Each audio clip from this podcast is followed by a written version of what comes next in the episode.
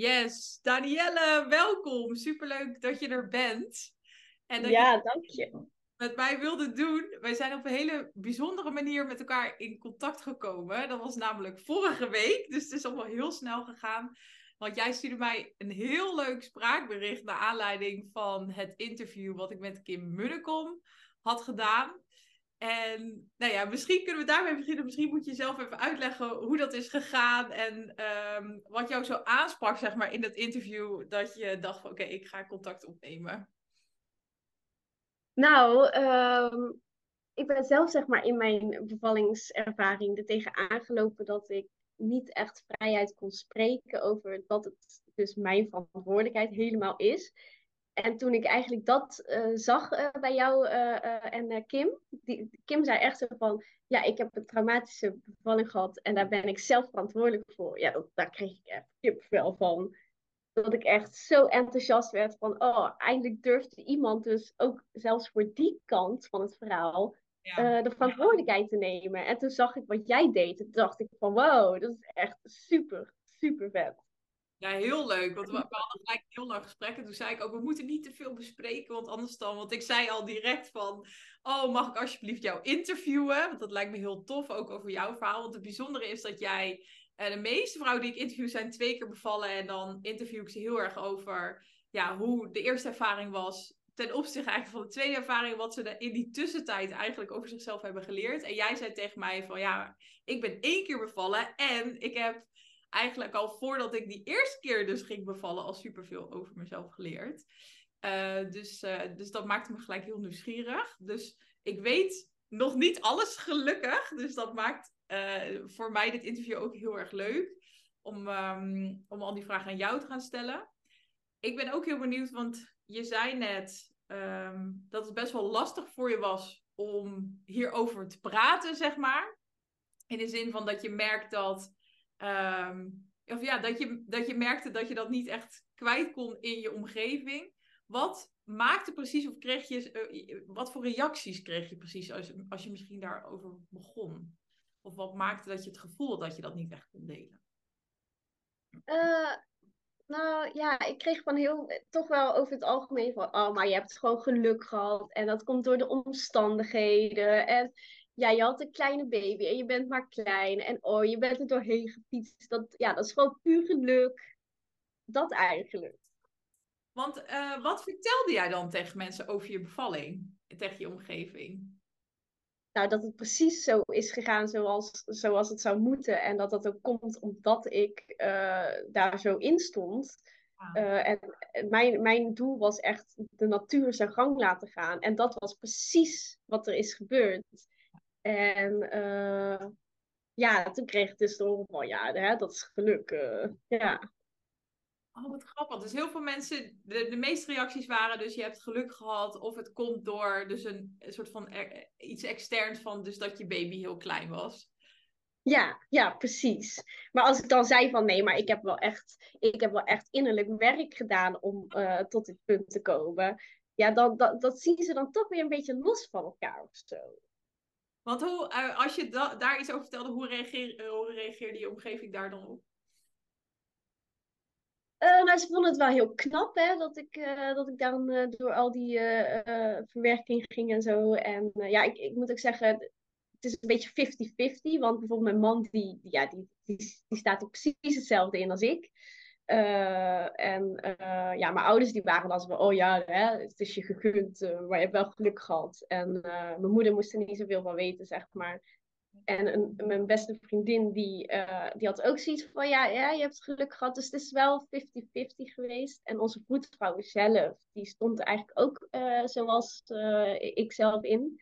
Ja. Dus daar heb ik ook wel heel veel geluk mee gehad. Oh ja, wat interessant. En Waarom denk je, heb je daar zelf nog over nagedacht, zeg maar later van, wat maakt nou dat de meeste mensen het uh, ja, een soort van afdoen als, als geluk? Ja, omdat ze dan denk ik het moeilijk vinden om uh, de situaties die ze zelf hebben meegemaakt, om die dan ook bij zichzelf uh, te gaan onderzoeken. Ja. Want dat is natuurlijk heel confronterend. Uh, bijvoorbeeld ook als ik kijk naar mijn moeder, ja, die heeft echt een traumatische bevalling gehad met mij. En uh, ik zat twee dagen later zat ik naast haar uh, foto's te kijken van mijn bevalling. En ze, ze keek mee. En, ze, en haar gezicht vertrok gewoon helemaal. Ze werd gewoon getriggerd. Ja. En ja, dat, ja. Ja, dat is ook lastig inderdaad. Vooral als, uh, als je met iemand. Ik kan me heel goed voorstellen dat als je met iemand praat over jouw ervaring waar jij super, super blij en gelukkig mee bent. Terwijl iemand anders ofwel zelf is bevallen en geen fijne ervaring wat, had. Maar ik kan me ook voorstellen dat als je zelf nog niet bent bevallen, maar je hebt heel sterk we hebben best wel een collectieve overtuiging natuurlijk met z'n allen dat bevallen gewoon heel erg kut is en intens en pijnlijk. en dat er gewoon helemaal niks leuks aan kan zijn. nou, dat ja. Dus als je vervolgens iets anders hoort, ja, ik kan me best wel voor. Dat had ik denk ik ook vijf jaar geleden gehad. Dan had ik echt wel een soort van error gekregen. Ja, ja, ja, dat kan ik me ook wel voorstellen. Want als, als ik dit allemaal niet wist en ik zou ook maar gewoon hè, erin mee zijn gegaan en zelf niet controle hebben genomen en het zou uh, gewoon een vervelende ervaring zijn geweest. Ik denk dat ik het ook heel moeilijk had gevonden als er dan ineens zo'n blije gup naar me toe komt. Ja, maar ik heb zelf mijn droombevalling gemanifesteerd en uh, ja, was, ik was echt, ging zo soepel en... Uh, ik heb het helemaal zelf gedaan. Dan zou ik ook denken, ja, hoezo heb ik het zelf gedaan? Ik, ik heb ook mijn best gedaan om goed te bevallen. En uh, ja, je hebt gewoon geluk gehad, hoor. Ja. Nou ja, sterker nog, ik denk opeens aan een moment na mijn eigen bevalling.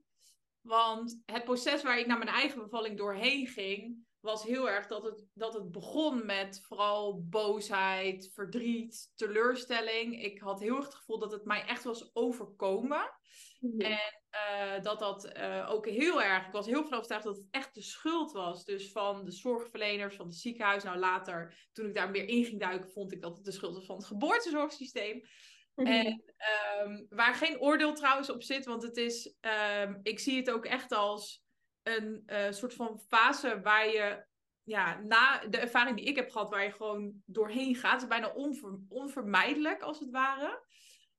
Um, maar ik weet nog heel goed dat ik denk, nou, een paar weken nadat ik was bevallen, was ik op Instagram uh, een beetje aan het scrollen. En ik volgde, nou ja, na mijn bevalling begon ik nog meer geboorteaccounts ook te volgen. En dan zie je onder posts, zie je ook wel eens uh, reacties staan natuurlijk van vrouwen over hun bevallingservaring. En uh, er was op een gegeven moment een, een reactie onder een post van iemand die, die ik nog um, goed kende, ook van vroeger. En uh, dat ging over haar eigen bevalling. En een beetje een soortgelijk verhaal ook wat, wat, uh, wat jij zeg maar in dit interview, daar ga je nog meer natuurlijk over delen. Maar zij zei dus ook heel erg van, nou, ik merk gewoon door, door juist verantwoordelijkheid te nemen voor mijn ervaring. En um, zij omschreef heel erg alle dingen ook waar ze doorheen was gegaan, ook innerlijk werk was had gedaan. En vervolgens had iemand een reactie daaronder gezet. Nou, ik las die post en in die fase waar ik toen dus zat, kreeg ik al helemaal weerstand natuurlijk. en vervolgens stond er een reactie onder van iemand die zei: Ja, zie je wel, het is geen uh, geluk. Uh, het is niet een kwestie yeah. van geluk als jij uh, een, een positieve slash empowering bevallingservaring had. Nou, en daar kreeg ik nog meer weerstand op. Ik merkte helemaal aan mezelf dat ik dacht van... Hoe kun je dat nou zeggen? Want ik was ervan overtuigd dat ik heel veel dat, dat dit mij was overkomen, dat ik heel veel pech Ja, dat je pech. Ja. Ik was mijn slachtoffer van mijn ervaring. Dus, en het is zo grappig, want als ik die reactie nu weer zou lezen, dan zou ik hem helemaal begrijpen. En dan zou ik die weerstand echt totaal niet meer voelen. Alleen met waar ik toen in zat, um, ja, begrijp ik helemaal. En kan ik daarom ook best wel, denk ik, goed begrijpen. Maar volgens mij heb jij daar ook heel veel begrip voor. Dat mensen het heel lastig vinden om inderdaad te zeggen van. Ja, jij hebt verantwoordelijkheid genomen voor je ervaring en je hebt het als het ware gemanifesteerd, om het woord er even in te groeien. Um, en dat het eigenlijk comfortabel is om het dus ook een positieve ervaring voor mensen toe te wijzen aan de exters, namelijk dat je geluk hebt gehad. Ja, ja. ja, want dan hoef je er zelf niet echt iets mee te doen. Hè? Dan hoef je alleen maar te zitten wachten van, oh, wanneer komt het geluk een keer naar mij toe? Precies. Ja, super interessant. Hey, en laten we er helemaal gaan induiken, want je noemde net al van, je zei, ik heb heel veel innerlijk werk gedaan. Nou, ik begrijp helemaal wat je bedoelt, maar ik hou niet zo van vage termen, dus laten we die, laten we die proberen helemaal een soort van in kaart te brengen wat dat nou uh, betekend heeft voor jou. En misschien kunnen we beginnen bij, ja, wist jij überhaupt al heel snel dat je moeder wilde worden? Hoe is dit gegaan, dit proces bij jullie? Nou, uh, ik wilde niet per se moeder worden. Dat, ja, iedereen heeft wel, hè, dat, je, dat je dan zo vooruit gaat denken van, oh, ik krijg wel een keer kinderen. Maar niet per se dat ik dacht, nou, ik moet echt kinderen en ik moet moeder worden. En, oh, dat is echt mijn droom. Maar uh, mijn man is uh, eh, 21 jaar ouder dan ik. En ik leerde hem kennen toen ik 21 was. Ja. En toen kwam, een paar jaar later kwam eigenlijk wel zo het idee van, oh ja, als ik nou, hè, want dat was echt, dat is gewoon mijn, de liefde van mijn leven is hij gewoon. En wat nou als ik echt uh, ja, moeder wil worden, dan moet ik dat toch wel binnen een paar jaar doen. Want hij heeft een klok en. Uh, dus toen was uh, vorig jaar, 2022, in februari, toen hadden wij allebei ineens heel sterk van. Wow, volgens mij is er een, een, een zieltje die nu bij ons wil komen om geboren te worden. Hoe merk je Wat zei je? Hoe merkte je dat? Kan je dat wat meer omschrijven, dat gevoel? nou, ineens gewoon een sterk verlangen. En ineens was het gewoon heel sterk in mijn bewustzijn. En ja, echt, echt. Ik werd bijna geforceerd van, oh, ik moet nu moeder worden, want het, ah, het tintelt gewoon door heel mijn lijf heen. Oh, en, uh, ja, echt heel bijzonder. En mijn man die kreeg ook een, een naam door. Uh, ik denk net voordat we zwanger werden, of net daarna, in ieder geval rond die, die, die periode dat we er ineens mee bezig waren ja, en toen was het voor ons zo duidelijk van oké, okay, wij gaan hiervoor. Ja. En toen in mei was het al uh, meteen raak. Wat, uh, wat, hoeveel tijd zat er dan tussen? Uh, in februari kwam het idee en in mei was het dus raak. Dus echt een paar maanden. Wow. ja, ja, ja. Dus dat eigenlijk... Het was ook zo bijzonder, want ik merkte eigenlijk nooit mijn ijsprong. Maar dus die dag, 25 mei was het, had ik ineens een beetje bloed bij mijn ijsprong. En toen ging ik was zo bewust van mijn uh, cyclus dat ik dacht, ja, maar dit kan geen menstruatie zijn. Dus moest het de ijsprong zijn. En toen zijn we er ook meteen voor gegaan. En toen was het dus ook raak. Oh, wauw. Dus het, het klopt eigenlijk ook heel erg goed met het gevoel dus wat jullie hadden. Van, ja, ja. moeten we ervoor gaan. Volgens mij wil er een zieltje, een babytje, zeg maar, doorkomen. Ja, ja, het was heel duidelijk, ja. Oh, wauw. En toen was je zwanger.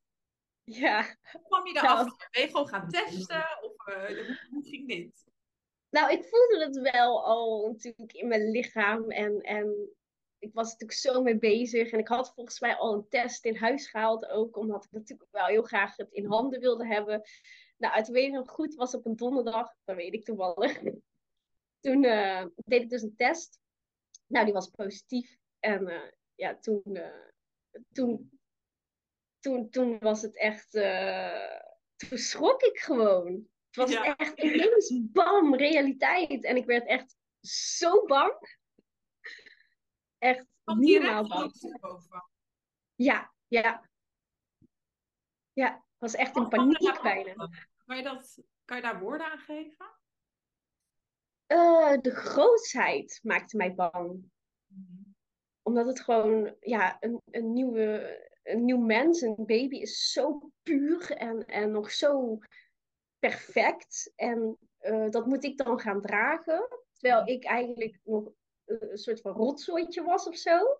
Nog niet alles in mezelf had aangekeken. En dan moest ik dan een, een, een perfect babytje gaan, gaan dragen. En daar een voorbeeld voor zijn. Dat vond ik super eng. Ja, heel herkenbaar is dit trouwens. Want eh, toen jij zei van ja, dit is nog zo puur, zo perfect dan denk ik ook direct wat bij mij naar boven komt is.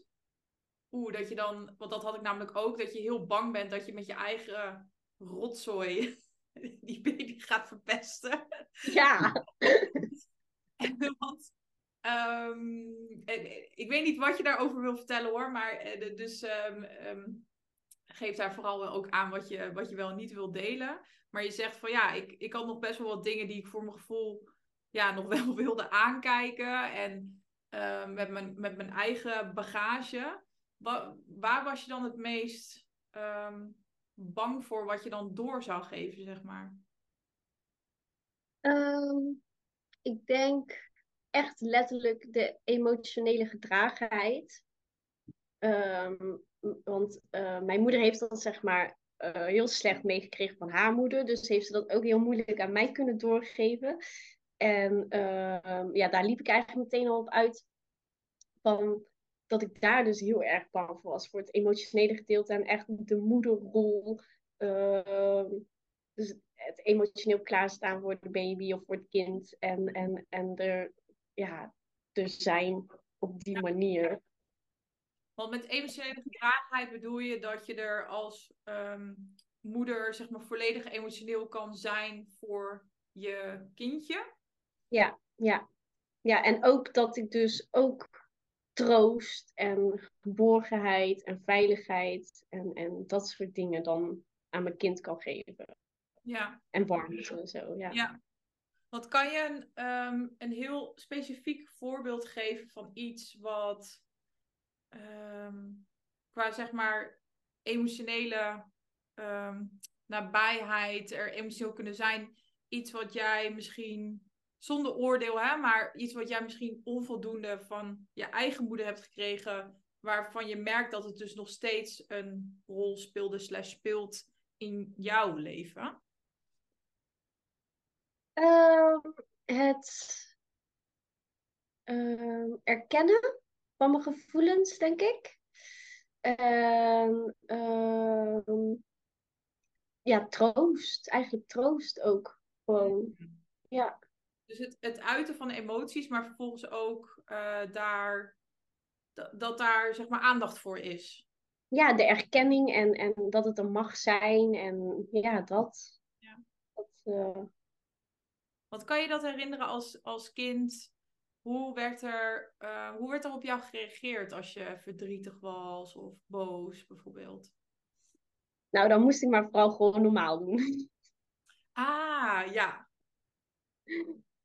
Ja, en dat, mijn moeder ging zeg maar altijd toch, omdat ze zelf ook uh, die, die, dat, dat die emotionele bevestiging zeg maar heel erg tekort kwam, uh, ging zij zeg maar een beetje het slachtoffer worden van de situatie. Dus werd het zeg maar zo dat ik dan eerst mijn moeder ging troosten, om die troost van haar te kunnen ontvangen.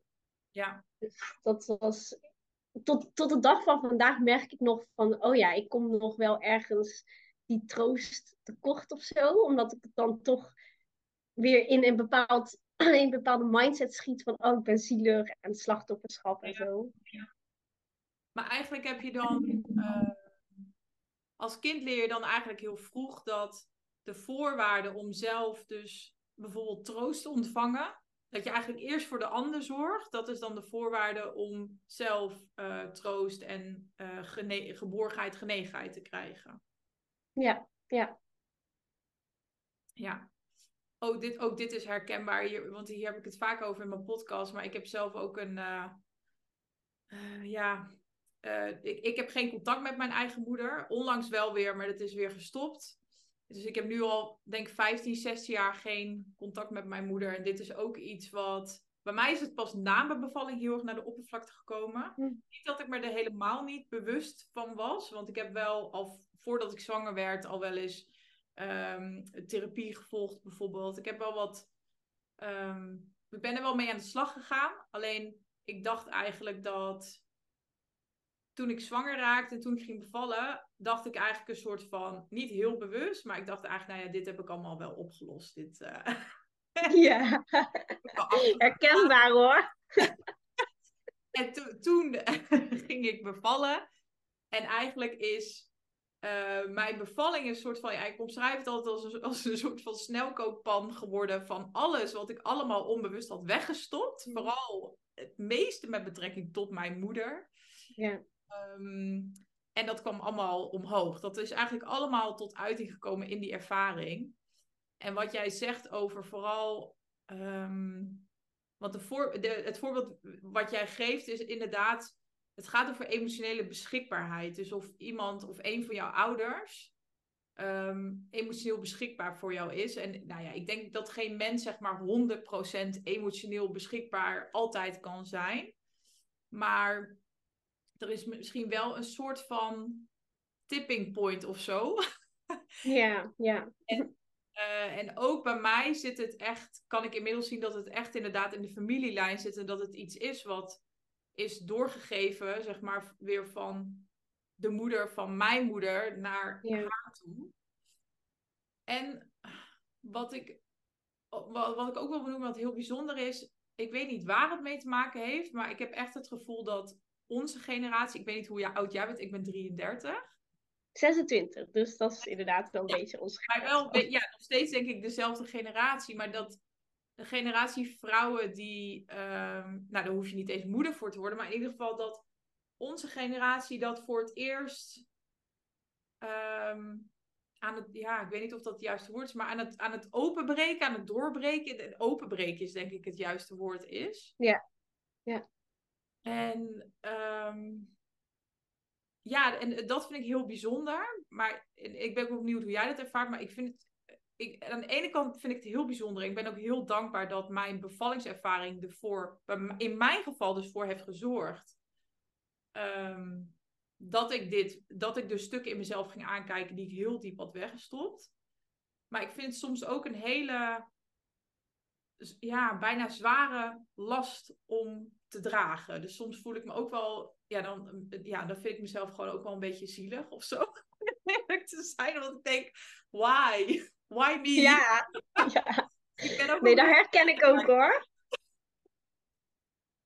Hoe zie Ja, jij dat herken ik ook zeker wel. Ja? Ja, want ik ben, ik ben het ook helemaal met je eens. Ik merk ook echt, dit is de tijd. eh, daarom zei ik ook tegen jou, ja, jouw bedrijf gaat nu groeien. Dat voel ik gewoon, omdat dit echt een tijd is nu, eh, collectief, om dit stuk ook echt aan te kijken. Hè? Die, die moederwond en, en, en de vrouwelijke energie. Eh, zelfs in de mannen ook, hè.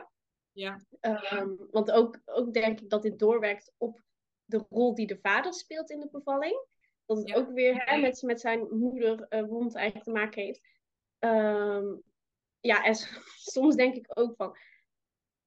Kom nou, weet je wel. Ik bedoel, ik moet al zoveel eh aankijken en ik ben de hele dag bezig met zelfbewustzijn. Mag ik ook een keer gewoon emotioneel incontinent zijn? Nou, maar precies wat jij zegt. Want ik merk wel dat. Want kijk, bewust worden, dus bewustwording en dus bewust worden van ehm, patronen in jezelf, overtuigingen die je hebt, dingen die je, trauma's, dingen, gewoon dingen die je heel diep hebt weggestopt en waar je volgens bewust van wordt. En op het moment dat je bewust wordt, dan kan je er vervolgens ook iets mee. Maar eigenlijk begint het dan pas. Want dan, ja, hoe het bij mij ging, waarschijnlijk bij jou ook, is dat je dan opeens allemaal dingen in het dagelijks leven van jezelf gaat zien. Dat je denkt, ja, fuck, weet je wel, daar is het weer. Ja. boven. Dus dat je het, al, je, het begint heel erg met dus observeren. Dat je opeens dingen begint, begint te zien. Ehm, alleen als je bewust wordt, dan kan je niet, zeg maar, niet bewust worden. There's no way back. Als je erin zit. Ik beschrijf het wel eens als ehm, die film Alice in Wonderland. Volgens mij is het Alice in Wonderland. Dat ze op een gegeven moment in, een- ja, een soort van gek huis komt. En dan elke keer weer in, in een nieuwe kamer komt. En het is weer een super vreemde kamer, weet je wel. Alleen als ze dan achterom kijkt, dan is de deur weg waar ze doorheen is gekomen. There's no way back. Je kan niet meer, zeg maar, onbewust worden. En, en dat vind ik soms wel eens lastig. Dat ik dan naar andere mensen kijk. En dit, hier zit geen oordeel op. Maar dat ik denk, oh, ik zou ook wel eens willen dat ik gewoon even me helemaal niet meer bewust ben van alles wat ik nu weet over mezelf. Hoe is dat? Heel herkenbaar. Ja, echt heel herkenbaar. Dat je gewoon op de automatische piloot door kan gaan en er gewoon eh, een soort van plezier in het leven hebt. En dan, ja, so- soms heb je frustratie, maar ja, als je die niet bij jezelf hoeft te zoeken, is het ook weer makkelijk om gewoon verder te gaan natuurlijk. Maar ja, dat is natuurlijk niks op. Dus dat is wel, eh, ja, ik herken dit heel erg hoor. En ik ben ook even benieuwd, en dan gaan we weer, wat, want anders drijven we te af. Ehm, jij benoemde net, je zei net, ik denk dat de, de rol van de partner ook heel anders gaat worden. Kun je daar iets meer over vertellen? Wat is jouw visie daarop? Hoe heb je dat ervaren? En waarom denk je dat dat nu anders gaat worden? Ehm, omdat ook, kijk, wij vrouwen die zijn natuurlijk heel veel dingen aan het aankijken.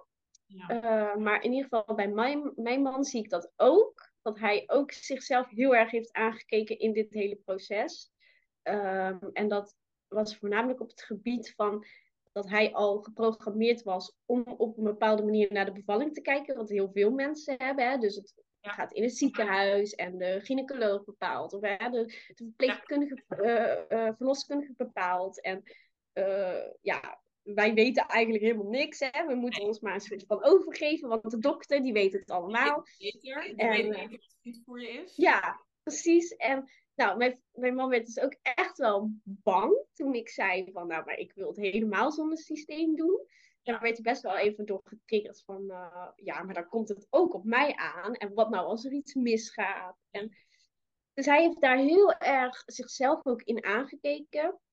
En hij kan nu uh, terugkijken en zeggen: Ik ben geen enkel moment bang geweest. Ik heb elk moment vertrouwen gehad in mij dus. En ja, dat heeft, heeft voor onze dochter heeft dat heel veel gedaan. En voor mij heeft dat heel veel gedaan. En we zijn nu ook echt een eenheid als gezin. En ik denk dat dat ook heel belangrijk is. Hè? Dat, dat, dat die eenheid van de man en vrouw, of partner en, en moeder, dat die, uh, dat die ook echt één wordt en heel wordt. Ja. Want je doet het uiteindelijk toch met z'n tweeën, drieën, zeg maar vieren misschien wel, als je tweeling hebt. Maar ik vind het wel heel bijzonder dat hij dus in eerste instantie heel veel angst had, wat echt heel normaal is. Want zelfs um, ik had de eerste keer al een hele sterke wens om thuis te bevallen, maar ik, ook ik had die angsten en ook dus daardoor heel veel twijfels en me heel veel zorgen maken van ja, doe ik hier wel goed aan? Omdat je gewoon um, en eh, dat wil ik ook even benoemen. Want het, is niet zo dat Ehm, dat er iets mis is met je als je wel in het ziekenhuis wil bevallen, of dat daar een oordeel op zit. Maar ik vind het wel heel interessant dat, um, dat er een heel duidelijke overtuiging zit op dat in het ziekenhuis bevallen altijd een soort van 100% veilig is. Dat is de overtuiging en, en het geloof wat we hebben met z'n allen. En dat het andere uiterste is, is dat thuis bevallen ja, eigenlijk neem je dan een heel groot risico. En dat is heel, heel gevaarlijk en heel onveilig. En stel je voor, want dat vind ik ook interessant trouwens daarover. Ehm, dat als er thuis iets zou. Want dat is waar, waar, ik me best wel druk om heb gemaakt. Dat ik heel erg het idee had van als er dan thuis iets zou gebeuren. Dat mensen dan echt zouden zeggen iets van zo van ja, zie je wel, eigen schuld. Want jij besloot om thuis te bevallen. Dus en, en, terwijl als, dat, als er iets in het ziekenhuis gebeurt, hebben we dat volgens mij helemaal niet of zo. Uh, want ook daar gebeuren gewoon dingen, weet je wel. En dat is soms denk ik ook een beetje. Uh, misschien klinkt dit um, even heel zwart-wit of heel heftig, maar soms vergeten we een beetje dat geboorte en alles in het leven niet maakbaar is. Dus wat je ook probeert te doen om risico's te minimaliseren, je gaat nooit in een situatie terechtkomen waarin alle baby's levend ter wereld komen. Het is en blijft iets um, wat uiteindelijk niet maakbaar is. En um, ja, dat. Daar zit ik wel eens ook over na te denken. Dat we dat soms een beetje vergeten zijn of zo. Ja, Ja, dat denk ik ook wel. Ja, met al die protocollen en zo, die zijn er zo op gericht om maar die controle zo vast te houden. Maar er is natuurlijk helemaal eigenlijk, uh, want als je nou heel, heel eerlijk gaat kijken naar het bevalproces, um, is uiteindelijk de, de natuur die het werk doet. Ja. Niet de dokter. Het is uiteindelijk de natuur. Maar toch proberen wij zo die controle ik, ik merk dat nu ook bijvoorbeeld, uh, wij gaan niet naar het consultatiebureau, omdat wij ook die controles en metingen, die voelen wij gewoon niet. En uh, ik merk nu ook, wij wegen dan ons, onze dochter wel, maar dat is niet nauwkeurig. Ja. En dat is eigenlijk, vinden wij dat gewoon leuk. Dat doen we gewoon dat we het leuk vinden. Maar wat heb je er nou aan om die cijfers nauwkeurig te weten? Het is niet alsof je daarmee het groeiproces beïnvloedt. Ja. Ja. En dat is natuurlijk ook met al die controles in heel het bevallingsproces het heeft eigenlijk geen enkele zin gewoon. Ja, het enige wat het doet is dus inderdaad, uh, het kan eigenlijk alleen maar uh, remmingen erop gooien met die oxytocine-stroming natuurlijk, weet je wel. Dus het is eigenlijk heel gek dat wij dan onszelf wijsmaken dat we daar een bepaalde controle op hebben, terwijl dat helemaal niet is gewoon. Oh, oké, hier ga ik ook even iets over zeggen. Want wij zijn ook door dit proces gegaan. Um, hier ga ik vast reacties op krijgen, maar dat maakt me niet zoveel uit. Leuk toch? Maar, maar, ik vind, want ik hoor hier bijna nooit iemand over. Dus misschien is het ook wel goed dat we dit gesprek hebben. Want als er vrouwen zijn die hier, die hier ook um, anders over denken, of um, nou ja, oké. wij hebben uh, sinds een paar maanden ook besloten dat wij niet meer naar het consultatiebureau gaan met Daniel. En uh, in het begin zei we, uh, dus toen ik net bevallen was, want mijn bewustwordingsproces, dat van jou is eigenlijk al begonnen voordat je uh, zwanger werd. Dat, vind ik ook zo bijzonder. En dat van mij is eigenlijk dus um, ja, op, zeg maar op gang gebracht door mijn bevallingservaring.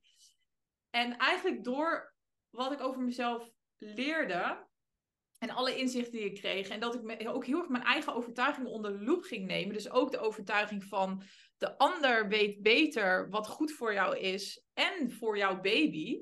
Want dat is eigenlijk het interessante. Op het moment dat je zwanger wordt, kom je direct al in een systeem terecht waarin, waarin heel erg de focus ligt. Even met uitzonderingen laten, want ik weet echt dat er ook um, dat er ook dingen aan het veranderen zijn. Maar laat ik even zeggen, de, de norm is nog steeds dat je in een systeem terechtkomt waarin de nadruk ligt op ehm, eh, constant alles tegen een soort van benchmark houden. Dus, dus iedereen, dus uh, ja, uitgerekende datum, uh, je, je, je, je, buik wordt opgemeten, alles wordt lang, langs een soort van lineaire meetlat gelegd. Uh, en, en dat gaat verder, zeg maar, tijdens je bevalling. Want dan, ik had namelijk heel erg in mijn hoofd, ja, 1 centimeter ontsluiting per uur. En, en, en ik had ook echt, tijdens de bevalling dacht ik constant, er is iets mis met mij. Er is iets mis met mij, want ik heb geen 1 centimeter ontsluiting per uur. Dat is waar ik mijn bevalling in ging. En vervolgens kwam een kraamweek. En ik, ik was gewoon lichamelijk en emotioneel best wel uh, uitgeput. Gewoon door die, die hele uh, bevallingservaring. Ik was echt niet mezelf. En ik weet nog zo goed dat er uh, iemand onaangekondigd van het consultatiebureau binnenkwam. En die ging de hielprik doen bij Daniel. En um, ja, en ik vond dat, dat was echt voor mij zo'n heftige ervaring. Omdat in die kraamweek het heeft denk ik ook wel te maken met het feit dat ik gewoon helemaal niet mezelf was. Maar alsnog voelde zo. Um, uh, ik kan even niet het Nederlands, maar intrusive, zeg maar. Het yeah. echt alsof ze aan mijn huis binnenstampte. En echt gewoon, ik weet nog dat ik daar helemaal, zeg maar helemaal, als, ik voelde me als een vrachtwagen overreden. Ik lag in dat bed. Uh, borstvoeding was kut, het deed pijn. Ik, ik voelde me moe, ik, ik was angstig. En zij, ik weet nog dat ze helemaal soort van, als een soort van filmster daar binnen. Ik weet niet waarom ik dit nou onthouden heb, maar vond het zo'n contrast. Want zij was helemaal in make-up, helemaal haar gedaan, nageltjes gedaan. Ze had helemaal een pakje aangetrokken. En ze kwam echt zo binnenstampen. En ze zei, ja, ik kom even de hielprik doen. En ik, ik wist niet wat me overkwam. Ik, ik zei, hè, wat? Sorry, wat kom je doen? En het is niet dat ik daar niet van, dat ik helemaal niet wist dat dat bestond. Maar ik vond het zo'n, um, ja, ik weet niet, zo'n heftig moment. En uh, ik voelde mij totaal soort van genegeerd als moeder. Het werd gewoon gedaan ik, ik wilde hem ook niet vasthouden. Dus uiteindelijk heeft de kraamverzorgster hem vastgehouden. Omdat ik het zo ontzettend heftig vond dat ze hem, zeg maar, een baby van een paar dagen oud in zijn voet ging prikken. En, en pas later realiseerde ik me, wat het, het stomme is, dat je op dat moment ook het een soort van um, goed praat voor jezelf. Omdat je denkt, nee, maar dit, dit krijgt iedere baby. Dit hoort er eenmaal bij. Uh, je stelt je aan. Dus al dat soort dingen ging ik tegen mezelf zeggen. En pas later, toen ik mijn eigen proces inging, mijn eigen bewustwording inging, toen dacht ik echt van, hé, maar dit is toch, dit, dit is toch raar dat je gewoon als moeder voelt van, dit is gewoon niet oké. wat hier, ik vind dit niet oké, wat hier nu gebeurt. En dat je dat dan maar een beetje goed praat voor jezelf, omdat we het altijd zo hebben gedaan. En omdat iedereen het doet. Iedereen laat zijn baby van een paar dagen oud, zeg maar, in zijn hiel prikken. En, en daar ging ik steeds beter, meer over nadenken. En ook, mijn, mijn vriend is ook, ehm, die is ook zijn eigen proces doorgegaan. En die kreeg gewoon, elke keer als hij bij het consultatiebureau was, kreeg hij ruzie.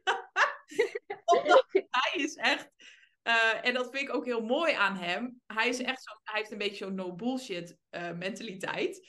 Uh, dus elke keer dan zeiden ze, oh wat zeiden ze toen? Zeiden ze iets van, want ze gaan heel erg checken van uh, wat jouw kind allemaal nog niet kan. Weet je wel? Dus ze hebben weer hun eigen meetlat. En dan gaan ze kijken van, nou, dan zeiden ze iets over zijn motoriek of zo. Terwijl wij maakten ons geen enkele zorgen over hem. Want hij, wij zagen ook dat hij op andere vlakken uh, wel veel verder... Hij, hij, hij, begon bijvoorbeeld heel vroeg met praten. Hij kon supergoed praten al heel vroeg. Dus wij maakten ons daar helemaal geen zorgen over. En toen begonnen ze erover. Nou, mijn vriend kreeg helemaal, helemaal ruzie daarover. En elke keer als hij thuis kwam, zei hij we gaan hier niet meer heen. Maar ik zat nog een beetje van, ja, maar iedereen doet dit. En op een gegeven moment dacht ik ook echt, ja, waarom doen we dit eigenlijk? En toen dacht ik ook van, want het is niet dat ik het consultatiebureau helemaal afwijs of dat ik het vreselijke mensen vind.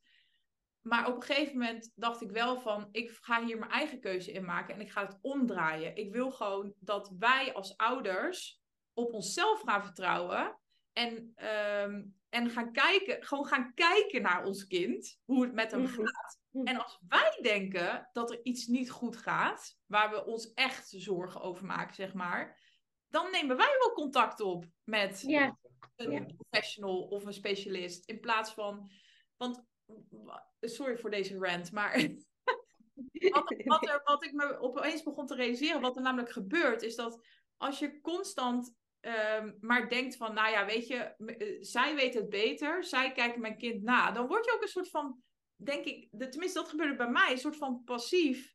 In de zin van mm. dat je bijna denkt van, joh, uh, dat, dat, doen zij, dat doen zij wel. Een beetje de verantwoordelijkheid ook bij het consultatiebureau of, ieder ander yeah. neerlegt. En bijna niet eens meer gaat nadenken van ja, gewoon kijken naar je kind, weet je wel. En zelfs als je babytje nog maar net geboren is. Mm. Uh, ja, ik weet niet, dat.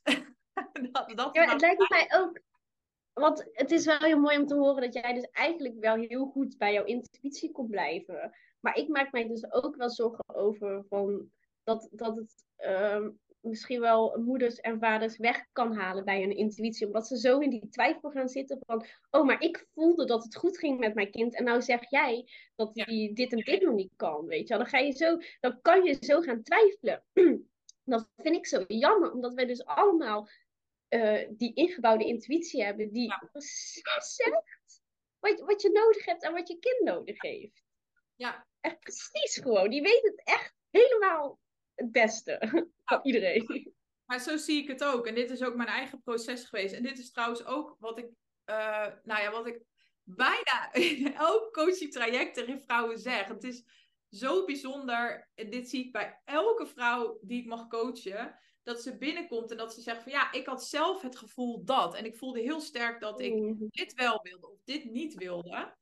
En dan zeg ik ook altijd, ja maar hoe, hoe mooi is dat, hoe bijzonder is dat? Want je hebt gewoon een hele, en iedereen heeft natuurlijk eigenlijk een sterke intuïtie. Hè? Maar het is dus heel duidelijk dat je supergoed wist eigenlijk wat je wel niet wilde.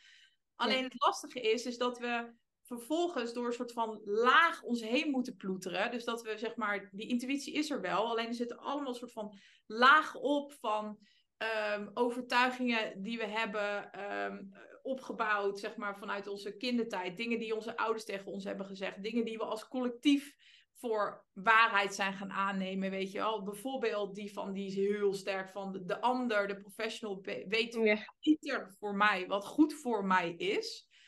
Uh, waardoor het steeds moeilijker wordt, als er steeds meer een soort van lagen overheen komen, wordt het ook steeds moeilijker om dus überhaupt bij die intuïtie te komen. Want ik ben dat ook pas gaan leren hoor. Ik, eh, na mijn bevalling, zeg maar. Of toen, toen pas kon ik het beter horen, laat ik het zo zeggen. Hoe vaak dat ook klinkt. Ja, klinkt niet vaag. Voor mij in ieder geval niet. Ja, maar er is zoveel waar je door, doorheen moet ploeteren. En dan heb je ook nog eens, denk ik, Um, dan gaan we echt terug naar je zwangerschap. Maar um, wat ik ook interessant vind, daar zat ik gisteren toevallig een podcast over te luisteren. Um, van uh, van Giel Belen. over überhaupt hoe wij als, ehm, als vrouw, als het ware, de afgelopen generatie zijn, ehm, zijn geprogrammeerd. In de zin van dat we het heel lastig vinden, dat we heel erg zijn gaan doen en dat we minder zitten in van hulp vragen en aan ons uh, laten dragen, als het ware. En dus wat meer in die. Ja, dat, dat heeft denk ik ook wel met, met intuïtie te maken. Dat het heel veel meer is gegaan over ratio. En dat je alles maar moet ja. fragmenteren en rationaliseren. Weet je wel? Dat als je een keuze maakt, ja, dan moet je wel echt, moet je wel echt van goede huizen komen. Dan moet je echt alle argumenten klaar hebben en de discussie kunnen winnen. Weet je wel? Terwijl het is heel vaak ook gewoon een kwestie van, ja, het is gewoon een gevoel. Weet je? Ja, ja. Ja, nee, maar ik denk echt, dat is mijn overtuiging op intuïtie, is dat wij, dat die een soort van uit een hoger weten komt. Dus dat intuïtie eh, juist de waarheid spreekt. Dus dan denk ik van, ja, als je dan een discussie hebt en je gaat met argumenten, ik bedoel, voor mij is dan die intuïtie is die, die, die zegt al genoeg, weet je wel. Dat is gewoon een bron van waarheid, voor mij in ieder geval. En ja, ik vind het ook wel heel mooi dat daar dus steeds meer bewustwording op komt. Wat, je, wat jij zegt over inderdaad dat de vrouwen... Dat zeg je wel heel mooi, want ik kon mijn vinger daar nooit echt op leggen. Wat, wat is dat nou, hè? Dat, dat die vrouwen zo willen... zichzelf willen pushen of zo. Ja. Uh, maar dat doen, doen, doen. En Terwijl het juist inderdaad, de vrouw gaat heel erg over voelen. En daar zit juist ook ons succes, denk ik. Dat wij op die manier ook succes kunnen hebben in het bedrijfsleven. Door juist helemaal vrouw te zijn. Ja, dat denk ik ook. Heel mooi. Hey, en uh, we gaan even het bruggetje maken. Wat betreft intuïtie. hoe, heb je dat, hoe heb je dat gedaan dus aan het begin van je zwangerschap? Nou, toen was, ik, toen, toen was ik helemaal verloren. Dus uh, toen was ik intuïtie ook uh, ver te zoeken, denk ik. Ja. Of in ieder geval heel erg uh, beneveld met, met heel veel emoties. Uh, maar bij intuïtie zei in ieder geval één ding en dat is doorgaan. Dus gewoon door, door, door. blijven voelen. En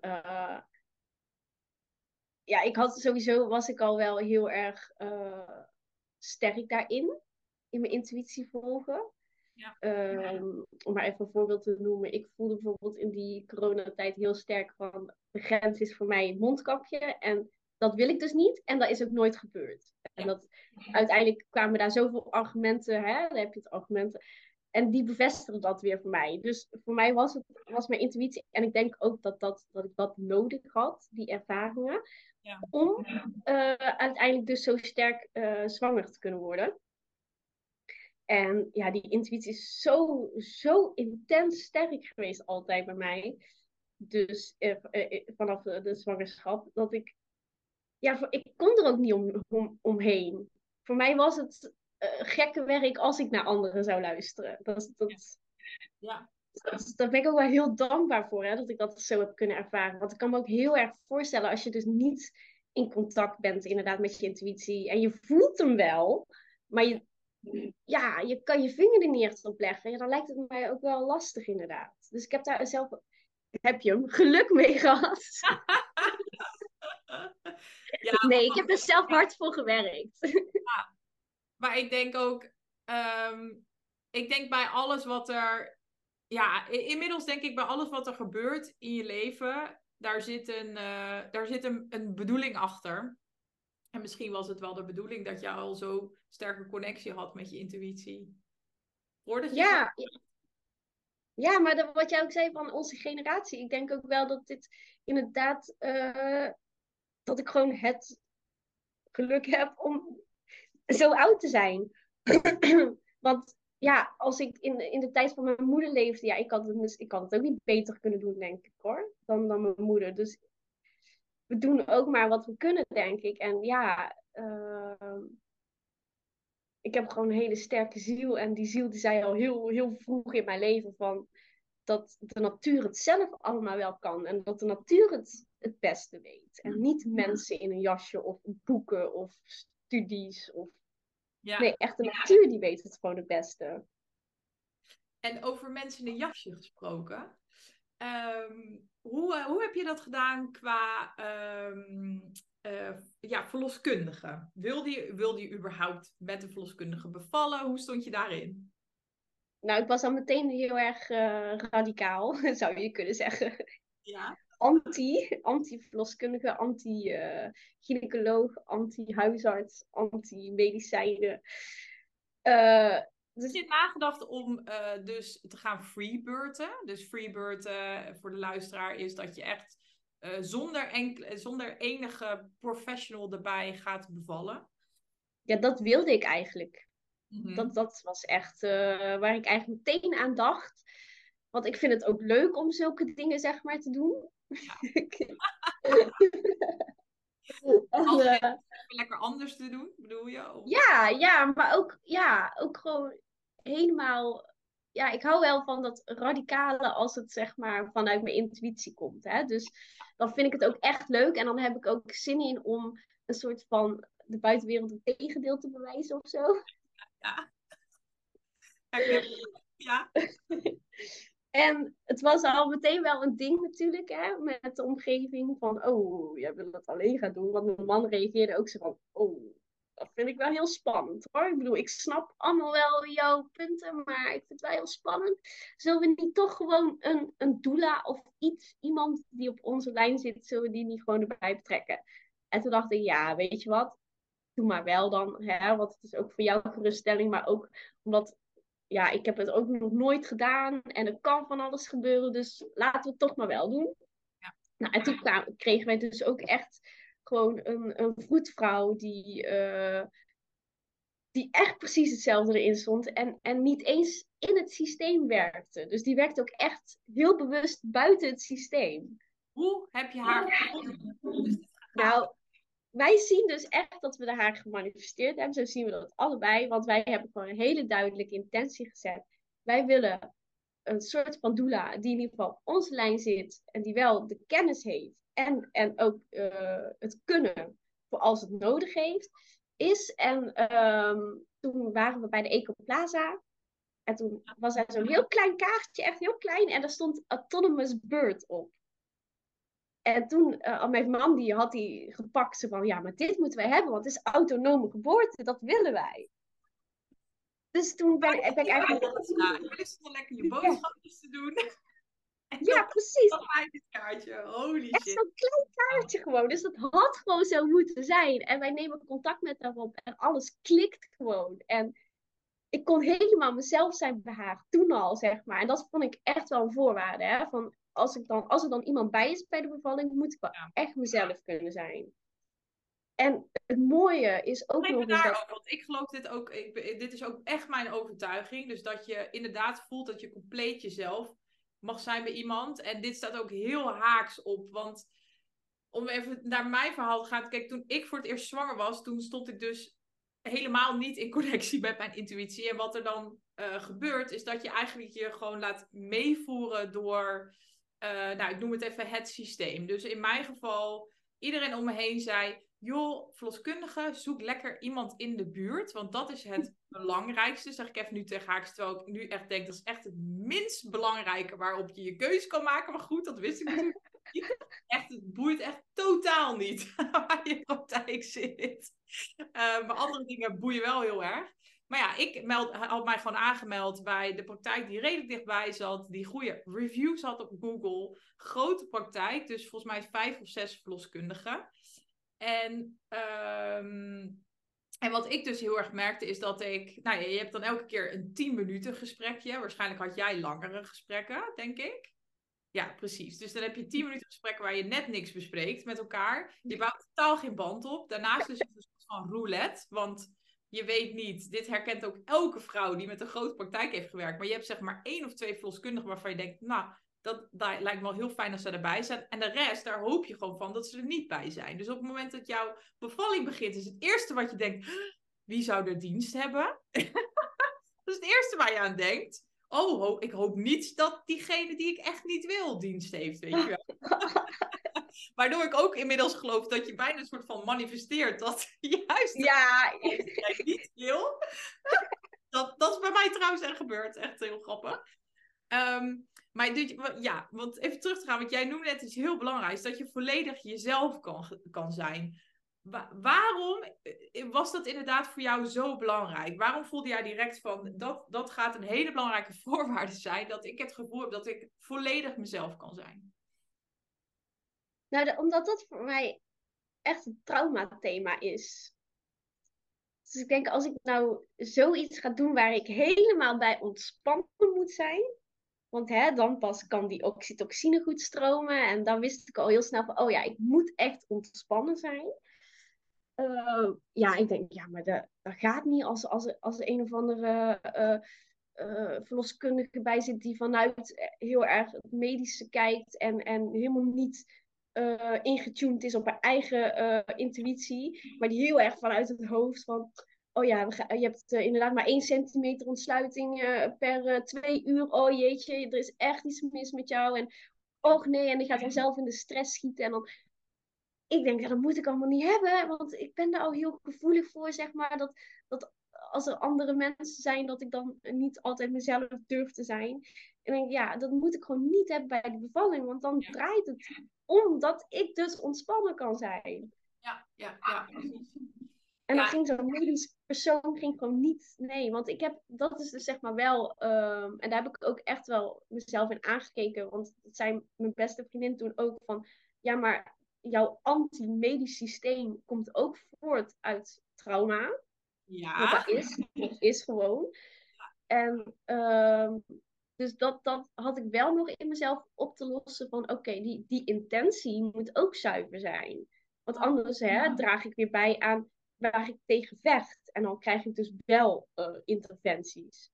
Uh, of medisch iemand die, hè, die ik helemaal niet wil. En dan, dus daar heb ik ook nog mezelf wel echt in aan moeten kijken van, oh ja, die intentie moet wel echt uh, zuiver zijn. Dat ik ook niet angst heb voor het medische. Dus op een gegeven moment kwam ook het scenario van, oké, wat nou als het misgaat en je toch naar het ziekenhuis moet?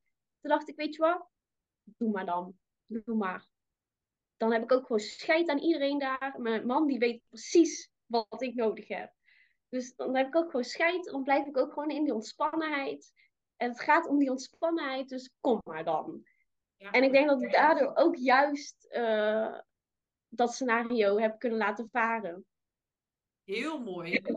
Hey, nog wat heel even straks terug wat ik nog wilde zeggen over wat jij zegt over volledig jezelf zijn.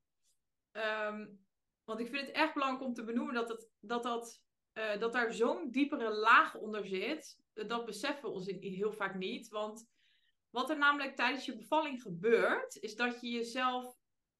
ja, je, klinkt een beetje gek, maar je wordt helemaal binnenstebuiten gekeerd. Zeg maar. Het is super rauw. Het is kwetsbaar. Er, er komen je gaat plassen, poepen. Ik heb onwijs veel overgegeven. Ik moest alleen maar kotsen, terwijl ik echt een hele grote angst heb om overgeven. Dus uh, er ontstaat heel veel paniek bij mij als ik moet overgeven. Ik weet inmiddels waar het vandaan komt. Maar, uh, dus je bent echt waar je in het normale leven probeert om een beetje soort van normaal over te komen. En je ja. niet te laten zien. En, en, en niet, eh, weet je wel, soms denk ik echt van, oh my god, mensen moesten eens weten hoe emotioneel instabiel ik wel niet ben.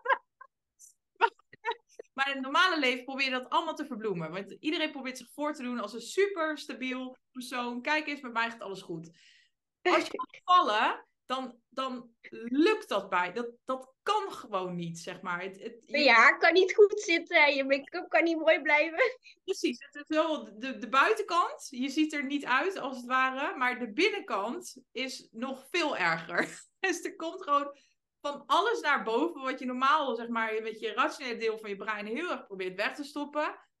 Eén koon te hebben. Dat lukt niet tijdens je bevalling. Alleen op het moment dat jij het gevoel hebt, omdat er een verloskundige bij is, een van de zes uit jouw praktijk, waarvan je ook nog eens hoopte dat zij er juist niet bij zou zijn, omdat je totaal al geen klik met haar voelde. Als dat de persoon is die bij jouw bevalling is, dan wordt het dus heel lastig om echt jezelf te zijn. En echt jezelf zijn gaat in dit geval denk ik ook over uitspreken dat je fucking bang bent. Uitspreken dat je ehm, een heel onveilig gevoel krijgt. Dit heb ik meerdere malen van vrouwen gehoord die in coronatijd zijn bevallen. Van het feit dat er constant zorgverleners met mondkapjes in en uitlopen. Omdat je hun gezichtsuitdrukking niet kan lezen. Ehm, eh, het gaat over dat je, in mijn geval, dat je kan uitspreken van ik raak helemaal in paniek van het feit dat ik moet overgeven. En uh, kun, je, kun, je, kun je er alsjeblieft voor me zijn, weet je wel? Kun je misschien me een knuffel geven, een hand vasthouden. Maar als jij iemand niet vertrouwt, dan, dan wil je dat lichamelijke contact helemaal niet, weet je wel? Terwijl... dan ga je je inhouden, hè?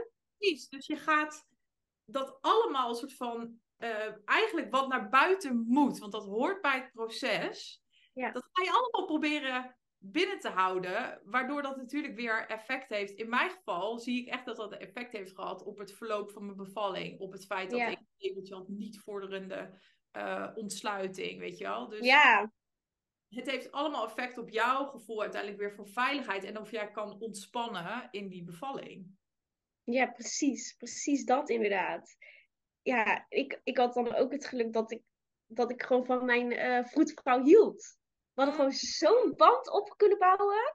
Dat echt een paar weken voor de uitrekendatum dacht ik ineens: wow, ik hou gewoon van haar. Ik denk, wauw, wat fijn. Dat moet ik echt hebben. Iemand van wie ik hou. En ik bedoel, ik stond hier inderdaad ook echt gewoon helemaal naakt. En ik was helemaal bebloed. En ik had in het bad gepoept. En weet ik het allemaal wat. En zij droogde mij af. En ik vond het gewoon helemaal prima. En het was zo fijn zelfs om om zo kwetsbaar te kunnen zijn bij iemand die je vertrouwt. En dan kan ik me echt heel goed voorstellen als je dus die kwetsbaarheid hebt. En er zijn mensen waarbij je dus in je hoofd schiet van. Oh nee, ik heb in het water gepoept. Oh, wat zullen ze wel niet denken? Of oh nee, ik doe het toch helemaal niet goed. En die ontsluiting. Dan ga je zo in je hoofd. Dan, dan, dan kan ik me ook voorstellen dat, dat het een trauma wordt, weet je wel. Want ja, dat moet ook stromen. Wat je zegt, het moet allemaal naar buiten. En dat moet ook stromen. En die oxytocine moet blijven stromen. En als je daar dus. Ja, als je, als je dan inderdaad niet veilig voelt, ja, dan, dan rem je jezelf. En dan ben je zo ver van huis. Want als je jezelf gaat remmen, ja, dan komen er alleen, kunnen er complicaties komen. En dan krijg je dus heel dat riedeltje, weet je wel. En ik denk ook dat we heel vaak een soort van bypass doen door alleen maar te focussen op ik moet ontspannen, ik moet ontspannen, ik moet ontspannen. Want heel vaak is de voorwaarde voor ontspanning dat je eerst alles eruit laat, waardoor jij gespannen bent. Ja, ja, ja, ja. ja. Het, is, het, kan, het is iets super simpels, gewoon door uit te spreken, gewoon te ventileren van wat er op dat moment allemaal door je heen gaat, zeg maar. Alleen als jij niet je veilig voelt in de omgeving waar je zit. En, en dat heeft heel vaak te maken met dat je totaal geen connectie voelt met de mensen die erbij zijn, met de zorgverleners die erbij zijn. Ja, dan wordt het heel lastig omdat dan ga je dat niet uitspreken, zeg maar. Nee, precies. Dan, dan probeer je dat burgerlijke mensje te zijn. Ja, precies. Nee, maar dan, eh, je bent juist heel erg bezig met een beetje, ehm, met, met, vooral ja, sociaal acceptabel. Je bent nog heel erg bezig niet van, oeh, ik moet niet, moet niet te hard schreeuwen en niet te aanwezig zijn. Meerdere malen van vrouwen teruggehoord. Dit was bij mij weer niet, maar meerdere malen van vrouwen gehoord dat ze gewoon in die bevalling bezig waren met ehm, of, de, of de verloskundige het wel naar haar zin had, zeg maar. Om uh, de hele te denken van, oeh, ze heeft niks meer te drinken. Of uh, moet oh, nee. worden. Ja. En, oh, wat erg! Ja, en dat, dat uh, ook daar zit geen oordeel op. Maar ik denk dat dit een heel mooi voorbeeld is van als jij niet compleet jezelf uh, kan zijn voor je gevoel bij iemand, ja, dan, uh, dan blijven een soort van die andere lagen erop zitten. Ja. Ja, maar dat is ook erg, want, want ik bedoel, je, je moet juist uit je hoofd. Of moet, het is juist het fijnste als je uit je hoofd bent en helemaal niet nadenkt en gewoon lekker gewoon brult en doet. En uh, oh, maar dat vind ik wel erg om te horen. Dat, dat, ja, dat je dan gaat. Want dat kan ik me ook voorstellen, hè? Dat, dat je inderdaad denkt van, uh, oh, heeft hij nog wel genoeg te drinken? Ik dacht ook even van dat dat bij mij zou gaan gebeuren. Ja, precies. Omdat ik ook zo'n pleaser kan zijn. Ja. het ook iedereen naar zijn zin wil laten hebben. Ja, want is die, is die pleaser? Want we hebben natuurlijk in het begin een beetje gehad over dat ik ook een, een dat je ook als voorbeeld gaf van om troost te ontvangen, uh, leerde je eigenlijk, ik moet eerst uh, mijn moeder troosten. Dus ik kan me heel goed voorstellen dat het, het patroon, wat daar jouw overlevingsmechanisme, wat daaruit voorkomt, dat dat de pleaser is, zeg maar. Dus dat je als kind constant bent afgestemd op de behoeftes van, in dit geval jouw moeder. Is, is die pleaser um, omhoog gekomen tijdens je zwangerschap en of bevalling? Uh, tijdens de zwangerschap wel, ja. Want daar heb ik echt nog wel momenten gehad dat ik dacht... Oh, nou ben ik toch wel even voorbij aan gegaan aan mezelf. Ook uh, ten opzichte van mijn schoonmoeder. Um, tijdens, uh, nou, wij gingen, gingen aan, uh, aan mijn schoonouders dan vertellen dat wij het zonder uh, verloskundige deden. En nou, ze ging meteen, maakte zich zorgen. En toen merkte ik van, uh, dat ik meteen wilde zeggen, ja, maar ze heeft bijna een beetje liegen. Ja, maar ze heeft wel een verloskundige achtergrond. En oh, als het ja. nodig is, dan, dan is... Dus op die manier dat ik dacht, ja, maar voor mij hoeft dat toch helemaal niet. In, in die zin, voor mij hoeft het niet zo te zijn zoals mijn schoonmoeder het wil. Dus waarom zit ik nu te verkondigen dat het voor haar wel allemaal goed komt? Ja. Weet je ja. dat? En, en ook met, met vriendinnen, dat ik ook toch mezelf weer een beetje inperk of aanpas met wat ik allemaal zeg. Want ik was, ik was zelf ook echt zenuwachtig voor deze podcast. En die wil ik natuurlijk delen dan met mijn vrienden ook. En ik, was toch wel een beetje bang voor wat ze dan zouden vinden van, oh, maar, hè, weet je wel. Dus dat, dat merk ik dan wel nog, uh, dat, dat het nog steeds wel een beetje in zit. Maar tijdens de bevalling had ik er eigenlijk geen last van. Maar dat komt, ik, ik heb gewoon geen seconde nagedacht. Ja, ik heb gewoon gebruld en geslapen. Nou, heerlijk. Je bent meegegaan in het bevalproces. Ja, maar echt 100 procent. En ja, heel bijzonder eigenlijk dat dat zo goed gelukt is. Of ja, helemaal niet, maar het is gewoon heel fijn dat dat zo goed gelukt is. En trouwens, waar ik ook nog benieuwd ben, want dat vond ik ook iets heel moois wat jij noemde. Dat je op een gegeven moment ook ontdekte dat, je, dat het ook goed is goed was om die kant aan te kijken van dat een beetje zo uh, rebels en aanschoppen te tegen het systeem en, en een soort van bijna de, de andere kant op schieten, de overtuiging van alles, um, alles, alle, alles afwijzen als het ware. Dit heb ik ook gehad. Hier ben ik ook doorheen gegaan. Um, hoe ben je daarmee aan de slag gegaan? Ah, lief! ja, ze heeft dorst. um, ja, ik heb gewoon. Um, nou, daar begon toevallig die vriendin ook over. Van hé hey Daan, uh, volgens mij ben je nou weer te erg aan het vechten tegen iets. En volgens mij is dit ook vanuit angst en niet per se vertrouwen. En ik had het ook met uh, de echo. Wilde ik echt niet, hè? Ja. En uh, toen zei een, een meisje, een klasgenoot van mij toen, die zei ook van ja, maar vanuit welke intentie? Want het, het, voelt wel, je zegt dat, dat je geen echo wil omdat die echo's vanuit angst komen. Maar het klinkt wel alsof jij nu angst hebt voor de echo. Is dat wel een zuivere intentie dan? En toen dacht ik, ah ja, de, nee, daar mag ik wel iets mee doen. Dus toen ben ik dat deel ook gaan aankijken. En dat kwam uiteindelijk voort uit uh, het begin van mijn leven. Toen heb ik tien dagen in een couveuse gelegen. En ik heb geen contact gehad met mijn familie toen. Oh, wauw. Ja, dus meteen na mijn geboorte uh, ben ik dus tien dagen apart geweest in het ziekenhuis, in een ja. couveuse. Ja. Alleen maar medisch personeel gezien. En ik denk dat dat voor mij echt de, de, de wortel is geweest van het antimedisch systeemtrauma. Ja. Dus dat heb ik heel erg mogen aankijken. En um, ja, en ik, ik, juist omdat ik dat erkende van mezelf, uh, voelde ik ook van wow, wow, ik ben eigenlijk best gewoon goed zoals ik ben. Want als, het, uh, als mijn problemen, zeg maar, voornamelijk voortkomen uit die periode, ik kan daar zelf niks aan doen, mijn ouders kunnen daar niks aan doen. Eigenlijk het medisch systeem ook niet. Niemand is als schuldige aan te wijzen. Het is gewoon zo gebeurd. En ik ben nu degene die mijzelf daarin mag troosten. En dat heb ik eigenlijk gewoon gedaan. Ik ben mezelf gewoon gaan troosten. En, en zo heb ik dus ook, ja, toen ben ik dus ook op het punt gekomen, oké, als ik dan naar het ziekenhuis ga, dan, dan gaan we ook echt wel iets moois van maken. Ja, ja. mooi. Ehm, ik denk dat dit heel interessant is wat je noemt. Ik heb er laatst ook een podcast over opgenomen, dus meer over ehm, wat, hoe jij bent geboren, dus hoe jouw eigen moeder weer van jou is bevallen.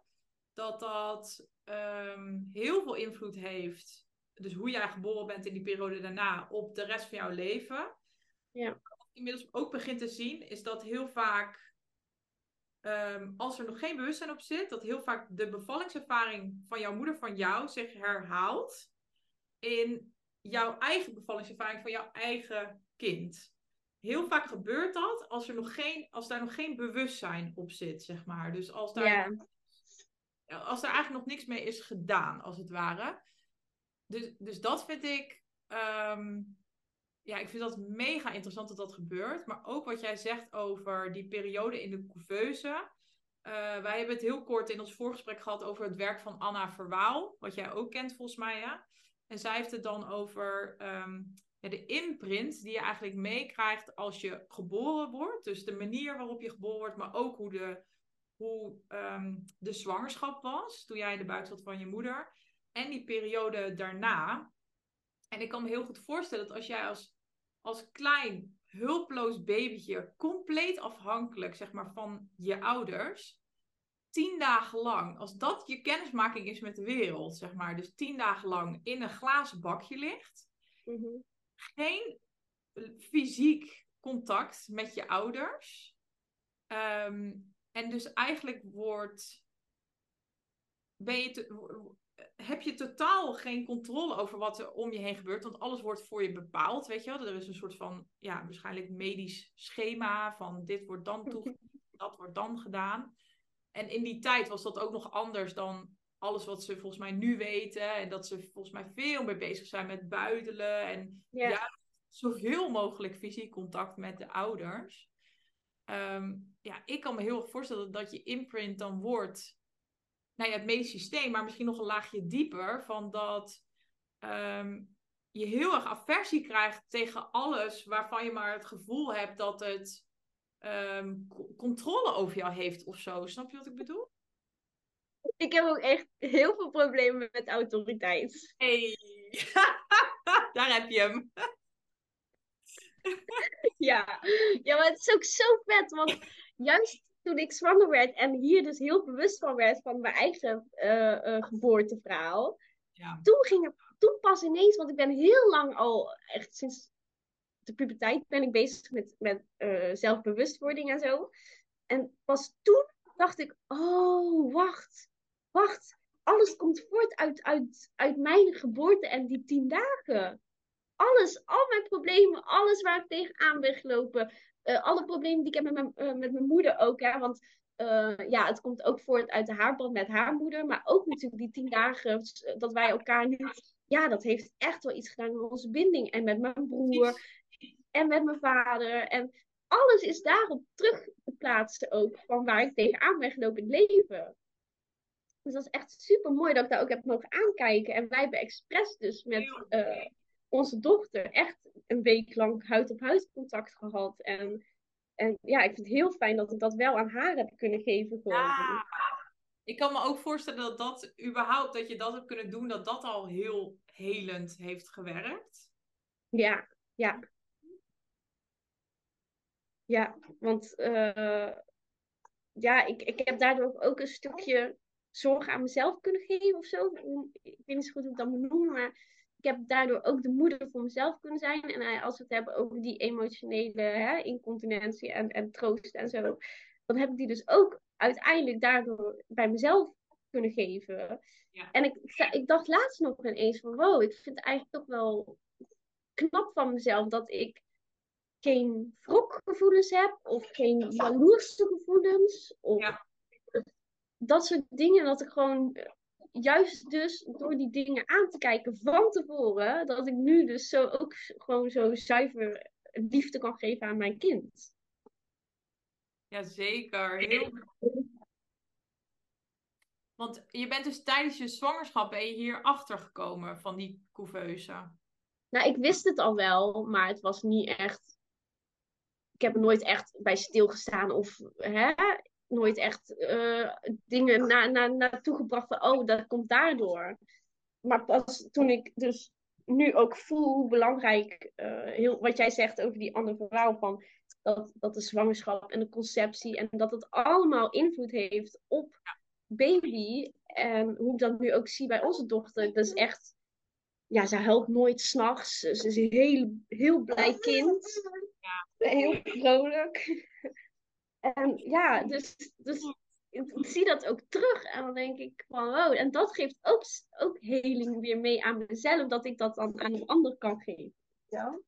dat is echt heel mooi. Ja. En, en de band met mijn eigen moeder is echt heel veel beter geworden nu ook. Omdat, ja? Ja, ik neem het haar ook niet kwalijk, weet je wel. Ik zie gewoon van, oh, zij heeft haar best gedaan. En als zij beter had geweten, had zij dat nooit gedaan, die tien dagen. Ze kon er ook niet zoveel aan doen, want ze lag zelf buiten bewust, eh, zeg maar, uh, bewusteloos op, in het ziekenhuis. Dus ja, daardoor is die band met mijn moeder ook wel beter geworden. En mijn moeder heeft ook een stukje traumaverwerking daardoor kunnen doen. En ook. Wat ik wel benieuwd naar. Uh, jij dan ook weer haar eigen stukken is die gaan aankijken? Hoe is dat dan gegaan? Ja, nou, ik, uh, ik weet niet zo goed hoe ik dat moet zeggen, maar ze heeft heel lang, uh, want ze gaat waarschijnlijk om luisteren. Ik denk, ik denk niet dat ze zo leuk vindt als ik dan uh, over haar ja, probleem heb.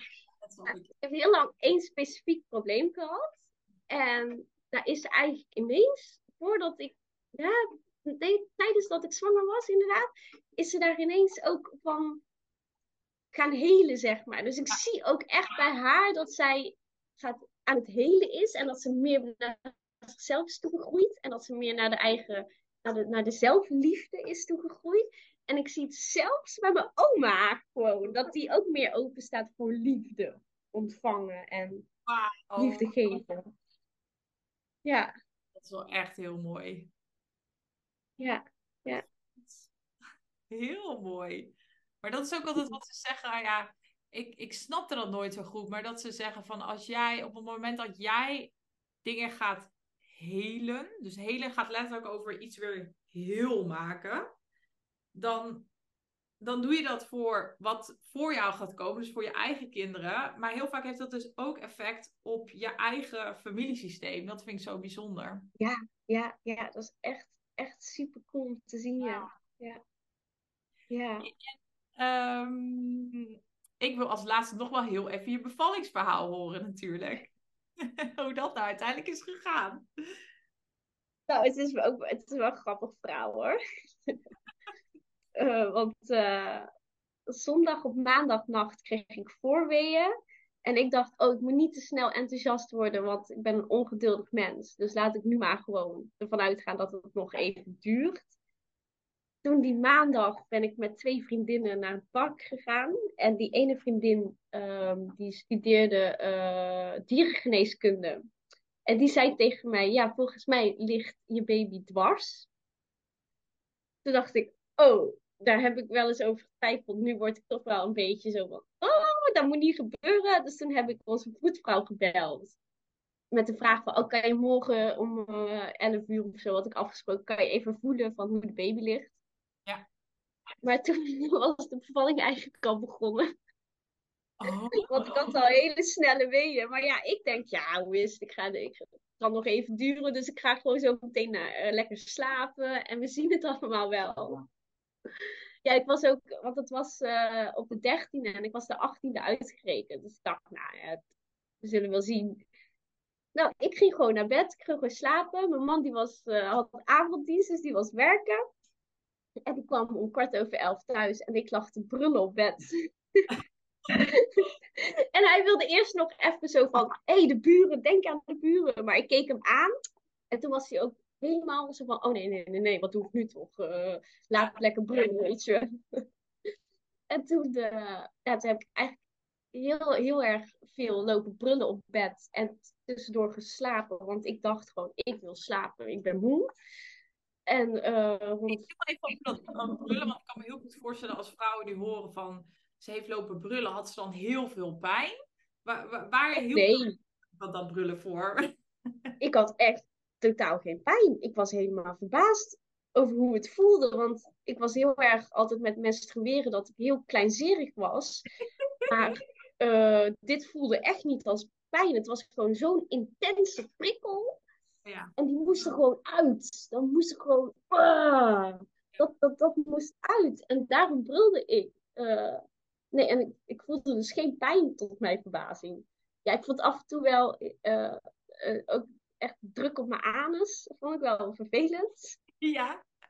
Maar er was ook niet echt pijn. En ja, gewoon dat intense, dat, dat moest er gewoon uit. Hè? Dat, dat, uh, en ik, zou, ik kan me ook niet voorstellen dat ik dan een rem erop had gegooid, weet je wel. Want, want hij, uh, mijn man kwam wel echt zo van, die keek me aan, van, uh, de buren. En toen had ik al zoiets van, ja maar, fuck you gewoon. Fuck you, jij gaat echt met mij remmen. Fik erop. en nou, toen rond drie uur, toen ging hij het bad opzetten. En toen ging hij ook onze voetvrouw inlichten. Nou, en die kwam toen op, op een gegeven moment ook volgens mij, toen ging naar het bad. En uh, nou, die heeft, onze voetvrouw heeft ook gewoon in de stilte bijgezeten. Die heeft eigenlijk helemaal niks gedaan. Dus dat is heel fijn. Uh, ik zat gewoon in het bad en uh, mijn man zat op de bank en zij zat op de grond. En ik zat eigenlijk gewoon in mijn eigen bubbel. En ik zat de hele tijd te brullen en te slapen. En op een gegeven moment. Over je voetvrouw, ja. ze zat in stilte erbij. Um, ja, ik, maar als ik dat zo hoor en visualiseer, denk ik echt, wauw, het lijkt me, lijkt me heerlijk. Als, als iemand inderdaad gewoon in stil, niks doet, niks zegt, gewoon in stilte erbij zit. Wat, wat voor gevoel, um, wat voor gevoel kreeg jij daardoor, doordat ze daar zo in stilte zat? Nou, ik vond het echt heel fijn. Echt heel fijn. Ja, haar aanwezigheid voelde ook zo vertrouwd. En ik vond het eigenlijk ook wel gezellig, want tussen de weeën door had ik ook wel af en toe dat ik van, hè, dat ik even zin had in die gezelligheid of zo. En ik vroeg ook wel eens aan haar van, oh, hoe lang duurt het nog? En toen zei ze van, hoe lang denk jij dat het nog duurt? Oh! en ze, was ook, ze zei later ook dat ze echt helemaal ingetuned was op, op de energie van het moment en zo. En dat voelde ik ook. Zij was echt heel bewust energetisch, zeg maar, ingetuned op mij. En, en nam haar rol dan ook echt heel serieus om op de achtergrond te blijven. Dat vond ik echt super fijn gewoon. En, en ik genoot ook heel erg van die stilte tussendoor. En ook dat ik, dat ik de belangrijkste op dat moment was. En dat daar ook uh, zo werd gelaten door, door de anderen. Dat vond ik ook wel heel mooi om te zien, ja. Ik was echt de barende vrouw en daar was respect voor. Ja, want voelde jij ook echt, had je echt het gevoel van, het draait om mij, ik ben, ik ben in charge hier, zeg maar. Ja, ja, zeker, zeker. Zeker. En ik had toen op een gegeven moment, ik had toen al wel zo mezelf zo sterk opgebouwd dat als er iemand zou komen die dat anders zou gaan doen, dan had ik die zo hard. dan had ik die heel hard de deur gewezen. Ja, en mijn man ook, die had ook echt heel hard de deur gewezen. Want die, die, dus, die was ook helemaal ingetuned op mij. Dus dat was echt heel cool. Ja, ik voelde dat ook echt gewoon omdat ze ook op de grond ging zitten. Ze verlaagde zichzelf ook. Het, ze straalde alleen maar respect uit gewoon. Dus dat was echt oh. cool. Ja, dat was echt heel fijn. Hoe het zou zijn, zeg maar even dan het andere uiterste. Want bij mij, ik, ik lag dus... Ehm, want zat jij trouwens in bad of was je aan het rondlopen? Nee, ik was in bad, ja. Ja, gewoon in bad. Ja, precies. En in, mijn geval, ik lag dus in een ziekenhuisbed, weet je wel. Dus je ligt in bed. En uh, iedereen ook die met mij praten, daar, daar heb ik achteraf nog eens over nagedacht. Wat, wat jij zegt over dat jouw vroedvrouw dus in stilte op de grond zat.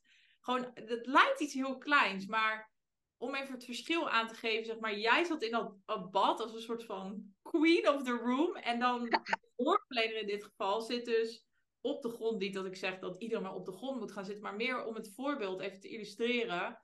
Gewoon hoe dat überhaupt al voelt. In tegenstelling tot in een ziekenhuisbed liggen en dan zorgverlener. Want iedereen ging ook met mij in gesprek terwijl ze stonden aan het voeteneind van mijn bed. Dus dat voelt al überhaupt um, en daar was ik me toen natuurlijk niet bewust van. Maar achteraf zie ik wel echt van ehm, wat dat al met je doet. In plaats van. ehm, want ik heb ook hier op, specifiek op dit voorbeeld een EMDR-sessie gedaan. Ik heb meerdere EMDR-sessies en dan ga je steeds terug naar stukjes van je verhaal. En één stukje van, van mijn verhaal waar ik naar terug ging, is dus dit stuk. Dat, dat is een van de stukken die voor mij dus als heel traumatisch eh, destijds is geweest. Ja. En dan ga je dat ook zo, wat, wat in mijn geval, wat we deden tijdens, tijdens de EMDR, is dat we een soort van gingen reframen. Dus een soort van nieuwe ja, herinnering van maken, nieuwe gedachten. En wat ik ook deed, zeg maar, in dat reframen is dus dat ik ook echt letterlijk zei van ja, en, en de klinisch verloskundige die gaat nu naast mij zitten. Die gaat naast mijn hoofd zitten en Ja. eh, ze pakt mijn hand vast, weet je wel. En dat, dat lijkt iets, iets heel kleins, maar ik denk dat we ons heel vaak niet realiseren wat zoiets met je doet, weet je wel. Gewoon het feit dat je, ehm, dat je niet meer het gevoel hebt dat jij als een soort van hulpeloos mensje daar ligt, weet je wel, van er is iets mis met jou. Want daar wordt dan heel de nadruk op gelegd van alles wat er allemaal niet goed gaat met je bevalling. Ja. Iemand als een soort van gelijke, dus ofwel, en dat kan in een ziekenhuis ook, dus ofwel dat iemand naast je gaat zitten, of in jouw geval inderdaad gewoon en het zal denk ik zoveel rust en vertrouwen uit. Dat iemand niet constant in de, in, ook in een bad loopt te kijken van... Is het wel goed? En eh, nou, we zijn wel lang bezig. Weet je wel? Ja, oh. Ik moet er niet aan denken, man, om dat eh, erbij te hebben gehad. Nee. Nee, want dan zou ik ook echt helemaal... eh, dan zou ik echt woedend worden, denk ik. Ja, ja echt hoor. Nee, dat was heel belangrijk juist, ja. Ja, maar het is toch ook zo... Zeg maar, als er twee mensen aan het praten zijn en de een staat en de ander zit... Dan is degene die staat, is gewoon dominant. Ja, klopt. Dat, dat is gewoon. Dus ik snap heel goed dat jij daar een trauma op had. Eh, ik zou dat zelf ook hebben, want je wordt eigenlijk gewoon klein gemaakt, hè?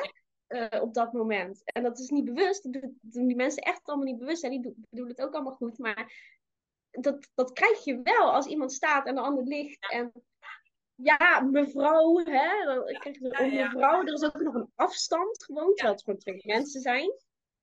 Ik denk, dan kan je beter eh, liefde hebben tussen elkaar dan dat die afstand er is. Ja. Ik denk die hele setting, en dan hoeft iemand nog niet eens iets te zeggen, maar die hele setting, die creëert eigenlijk al van alles, weet je wel? Die maakt dat je het eh, überhaupt, denk ik, lastiger vindt om je uit te spreken of je behoeftes aan te geven of om hulp te vragen, bijvoorbeeld.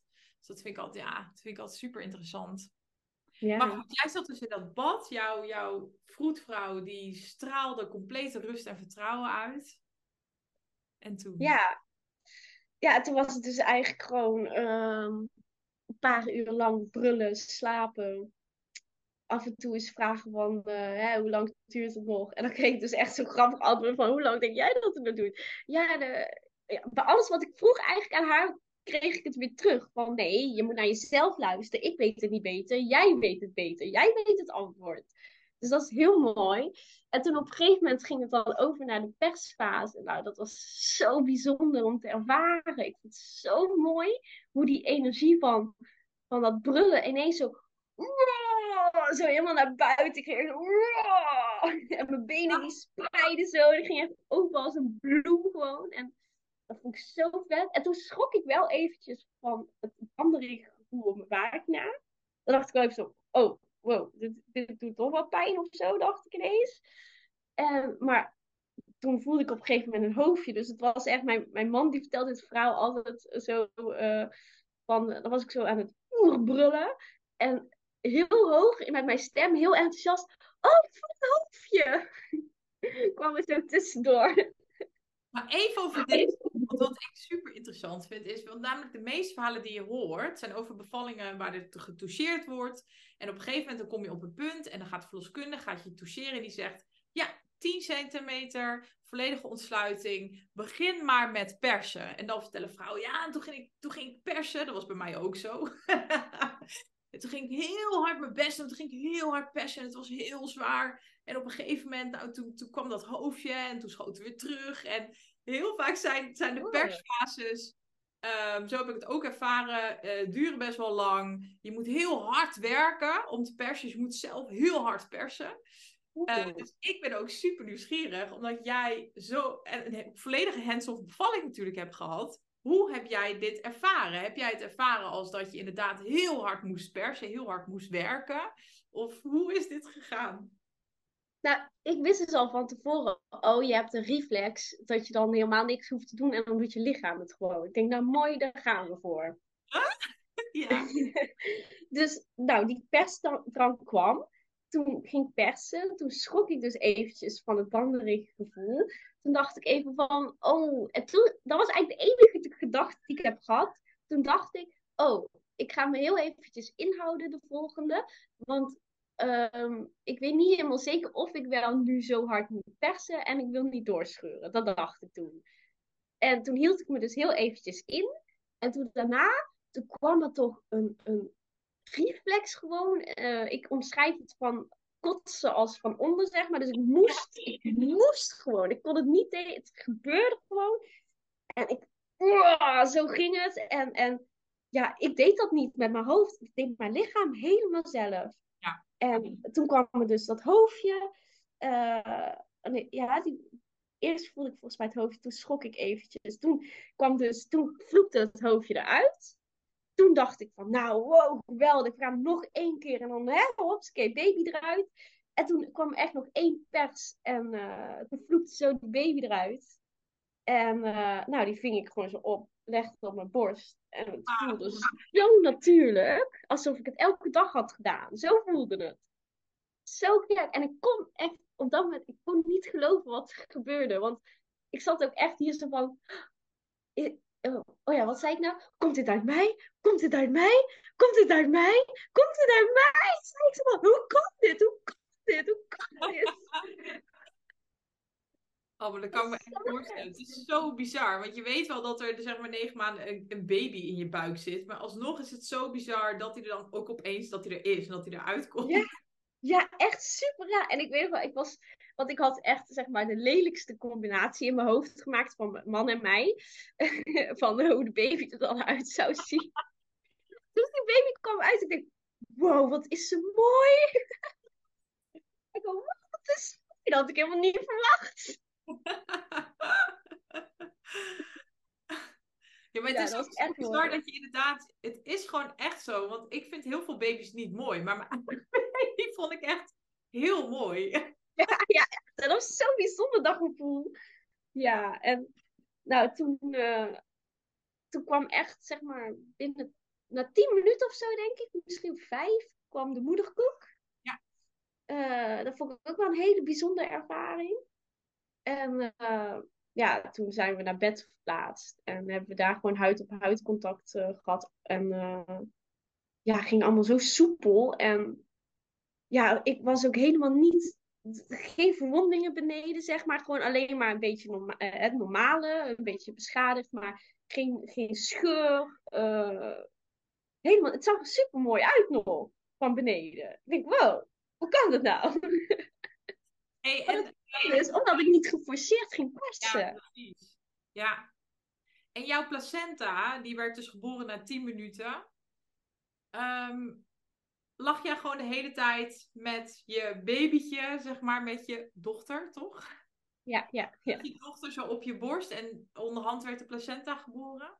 Ja, ja. Ja. En dat ging ook zo soepel allemaal. En je vroedvrouw ging niet ondertussen allemaal checks doen of dingen doen? Of, uh...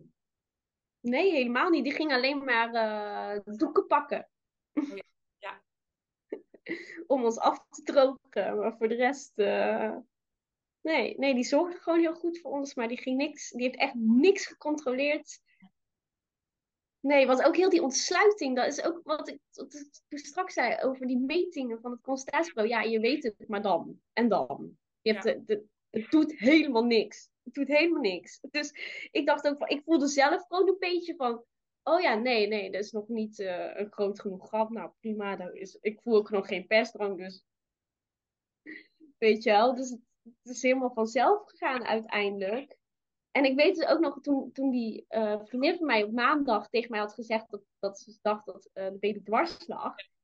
Toen was ik zo even zo van, ja, maar ik hoopte zo erg dat ik, dat ik kon bewijzen aan de wereld dat de natuur perfect kan zijn. Ja. En de volgende dag had ik dat inderdaad gedaan. Laten zien van, zie je, de natuur kan gewoon perfect zijn gang gaan. In de meeste ja, ik had, ja, is dat denk ik ook zo, inderdaad. Ja, ja, dat is ook wel. Want kijk, je kan dan ook zeggen wat ik toen straks zei van... Ja, ik had een kleine baby. Maar goed, ik ben zelf 1,50 meter. Dus, Ja, precies.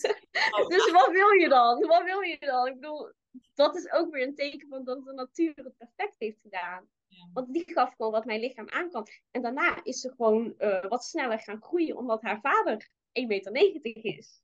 Oh, ja, ja, ja, ja, ja. dus, dus, en het, kijk, ze was 44 centimeter. En als je dus met een verloskundige was gaan bevallen, dan had hij ook kunnen zeggen dat, dat het prematuur was. Ja. En dan had je daar ook weer, terwijl het, is, het gaat super met haar. In alle opzichten, weet je. Ook daarin weer, denk ik, van de natuur zijn gang laten gaan. Ja. Dat is echt mijn motto geweest. En het is zo perfect geloven gewoon. Dus ja. Het was echt een feestje. Het was echt een feestje. Oh, daar wil ik trouwens nog één ding over zeggen. Want toen ik dus net zwanger was geworden, eh, of ja, toen wa- was ik vijf weken. En toen zei ik tegen een eh, vrouw waarmee ik eigenlijk eh, toen net eh, een samenwerking was begonnen. toen zei ik tegen haar van, hè, ik ben zwanger.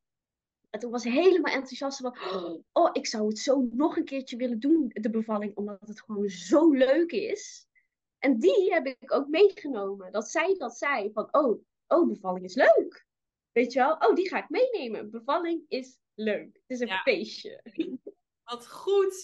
Want ik, ik- oh, maar dat ook, weet je wel. Ik denk dat het ook zo meehelpt als je. mm, Oh, ik ben nu een boek aan het lezen. Het is echt fantastisch. En het gaat heel erg over dat je je, je mind, je brein, je hoofd mag zien als een soort van tuintje. En dat jij bepaalt ehm, wat er in dat tuintje staat en hoe je dat tuintje verzorgt. En dat je gewoon zoveel mogelijk het onkruid eruit wil trekken, zeg maar. Dus, en dat gaat dus ook over dat je heel eh, bewust kiest voor wat je dus ehm, toelaat in je hoofd. En om daar een voorbeeld van te geven, het heeft even niks met bevallen te maken, maar ik kijk sinds, je, sinds vier jaar nu geen nieuws meer. Dus heel af en toe krijg ik per ongeluk een keer iets mee, omdat mijn vriend er dan aan heeft staan, maar als ik, het op, als ik het in de auto hoor, dan zet ik het uit op de radio. Ik, ik zet het dus nooit aan. Ik kijk geen nu.nl. Helemaal niks. En ik merk dat dat eh, ja, heel, voor mij heel positief werkt. Ik, ik, het is ook Mhm. helemaal niet moeilijk om het te doen. Ik vind het echt heerlijk om dat niet allemaal mee te krijgen en zo. En eh, ik ben er ook niet slechter van geworden. Want iedereen zegt dan, ja, ontwikkeling, bla bla, bullshit. Echt. Onzin hoor. Niet nodig. En het, het, het werkt juist heel erg in je voordeel, vind ik.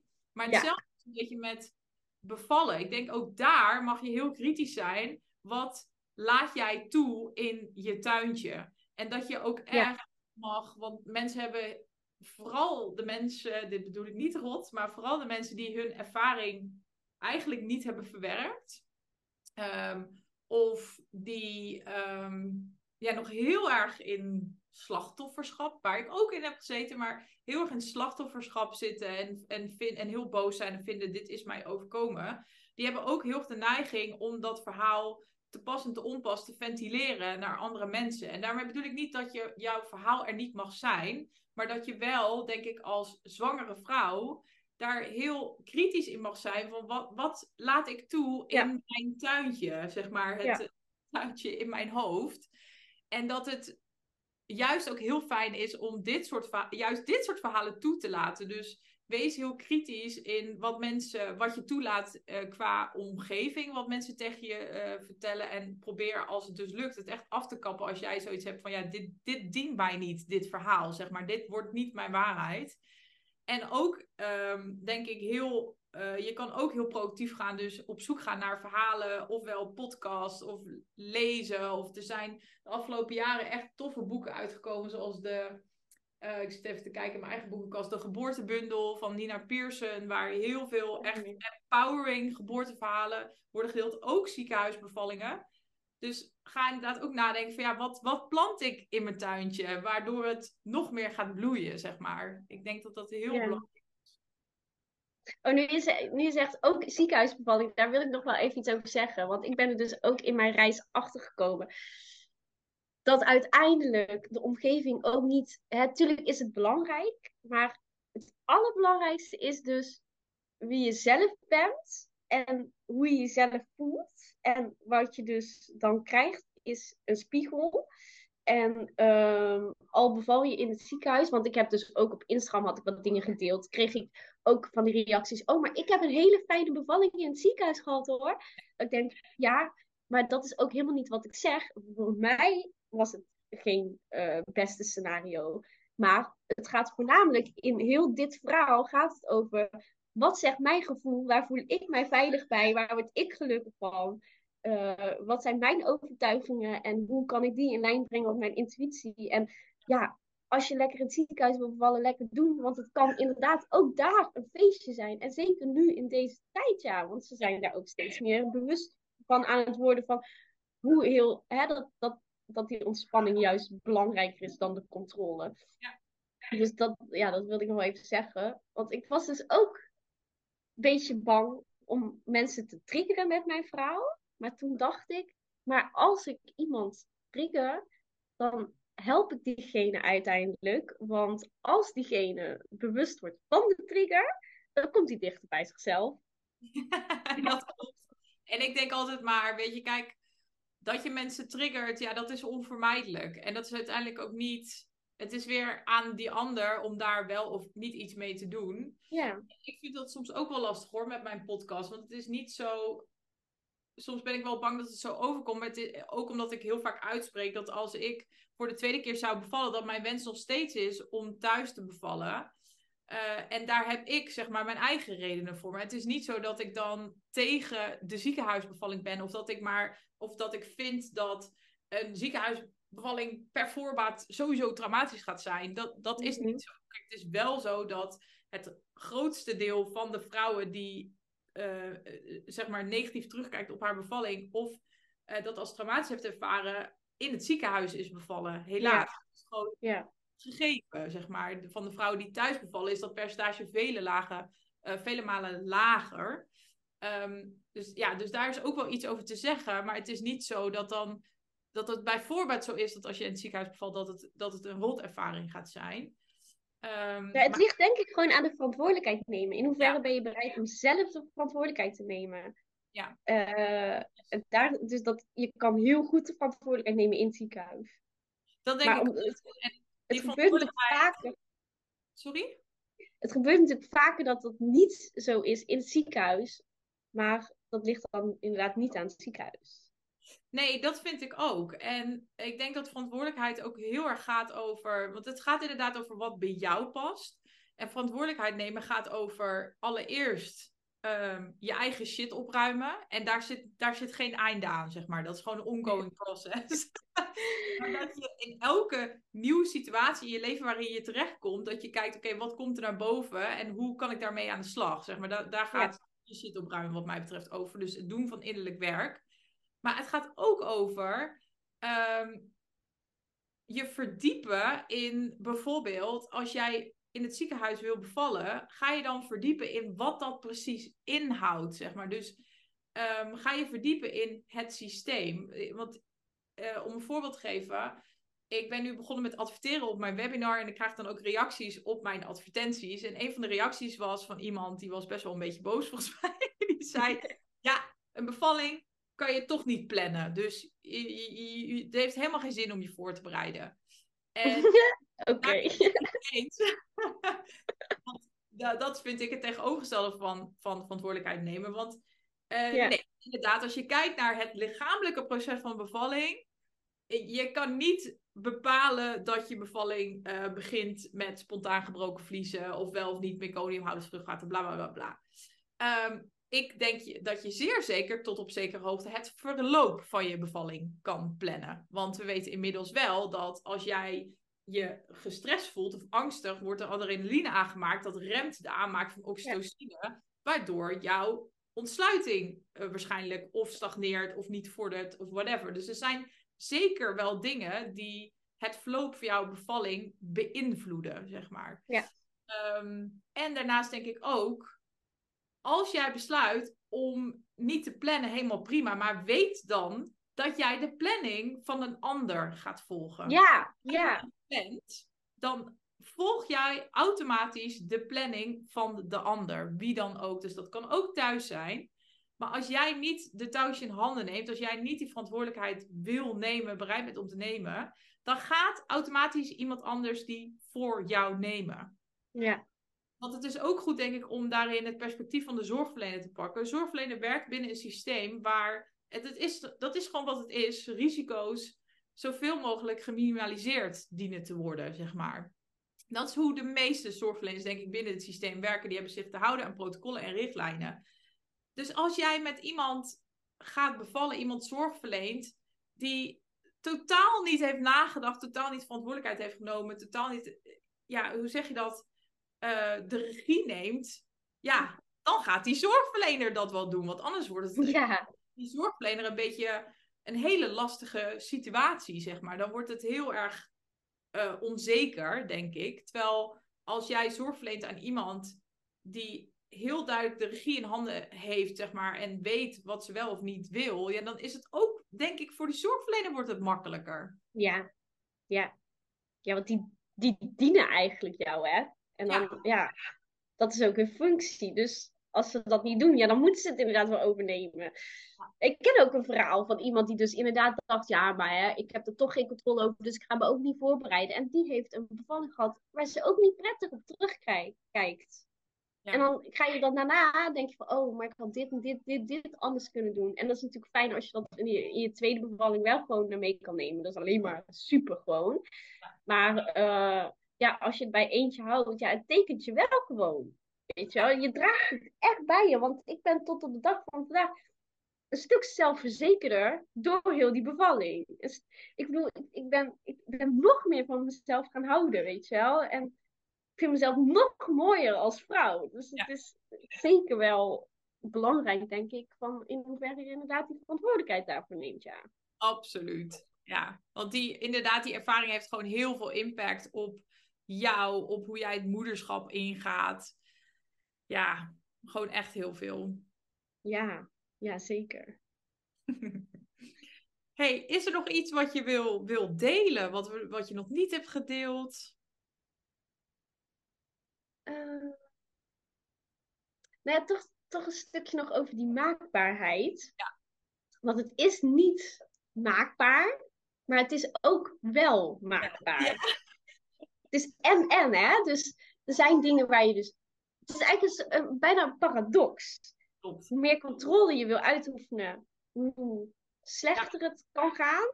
Ja. En hoe meer je het loslaat, dus overlaat aan de natuur, hoe beter het kan gaan. Uh, hoe meer bewustzijn je hebt, hoe beter het kan gaan. Dus het is een beetje paradoxaal bijna. Ja. En ik, uh, wat ik daar toe wil voegen, wat jij zegt over um, inderdaad, hoe meer controle, hoe. Um, en eigenlijk is dat een illusie, zeg maar, de illusie van controle. Ja. En aan de andere kant heb je dan zoveel mogelijk uh, de natuur vertrouwen, met het, in de natuur meegaan. Uh, daar heb je dus wel controle over. Precies. Alleen, ik denk dat dat hem heel erg zit in, als je dat wil, dan zul je wel daar de juiste voorwaarden voor moeten gaan scheppen. En dat is wat je, dat is waar, waarin jouw maakbaarheid, denk ik, zit.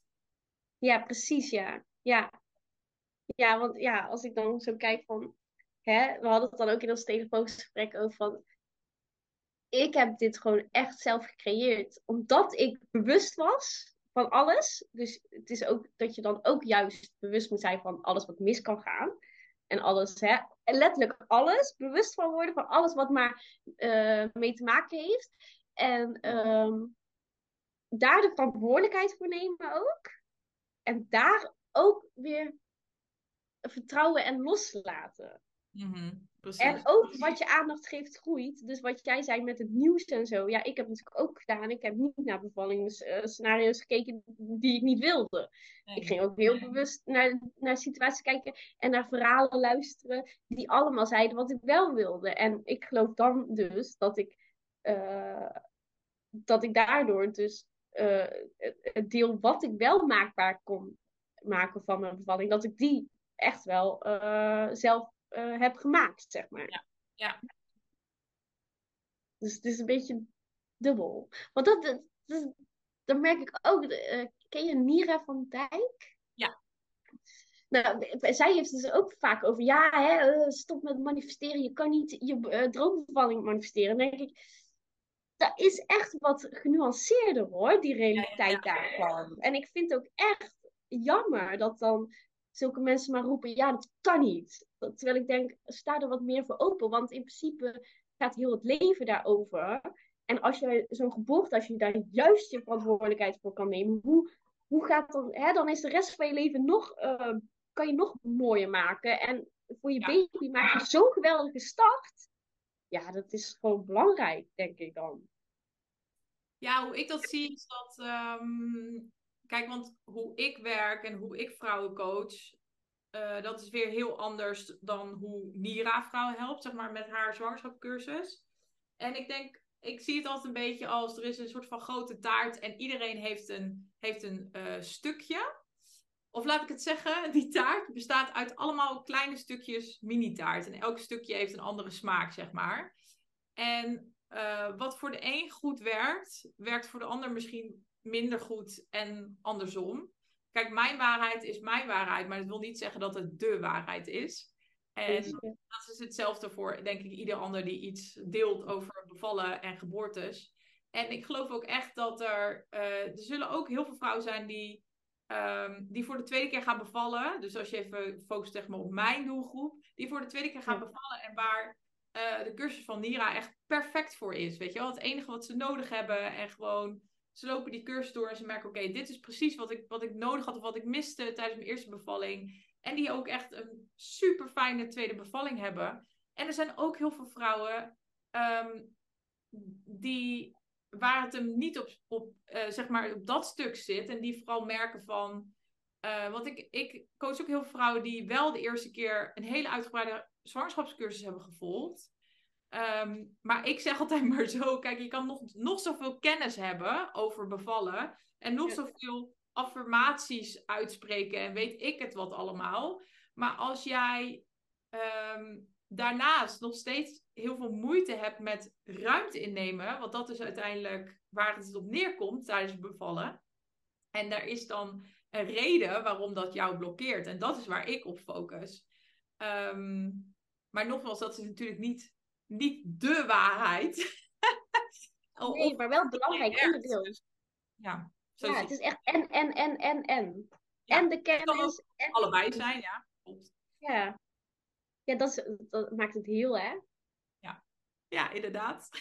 en dan is bewust, bewustzijn denk ik toch het allerbelangrijkste. Want ook in kennisbewustzijn, in gevoelensbewustzijn, in ja, alle, alle omstandigheden die meetellen, bewustzijn ja. Daar, dat is denk ik het aller, allerbelangrijkste, ja. ja. Ik denk dat we hem daar maar gaan afsluiten. Dus de cirkel weer helemaal... Daar ben ik het helemaal mee eens. En dat is ook waar we mee begonnen natuurlijk. Dat je door je zwangerschap en bevalling en de tijd daarna gewoon een soort van... Als je daarvoor open staat, uh, je bewustzijn kan vergroten. Ja. Ja. En hoe, hè? Hey, heel erg bedankt. Het was niet de bedoeling, maar ons gesprek is bijna twee uur geworden. Ja. Maar ja, het was ook gewoon, ja, ik weet niet. Ik vond het echt een heel fijn gesprek. Dus ontzettend bedankt dat je mij een berichtje hebt gestuurd en dat je hier zo open over wilde delen. Ik hoop dat dit heel veel vrouwen gaat bereiken en dat er uh, heel veel vrouwen hier iets aan hebben en nou ja, inspiratie, motivatie krijgen, zou ik zeggen. Ja, yeah. dat hoop ik ook. Jij ook super bedankt, want ik vind het echt zo fijn dat, dat er mensen zoals jij zijn. Oh, dankjewel.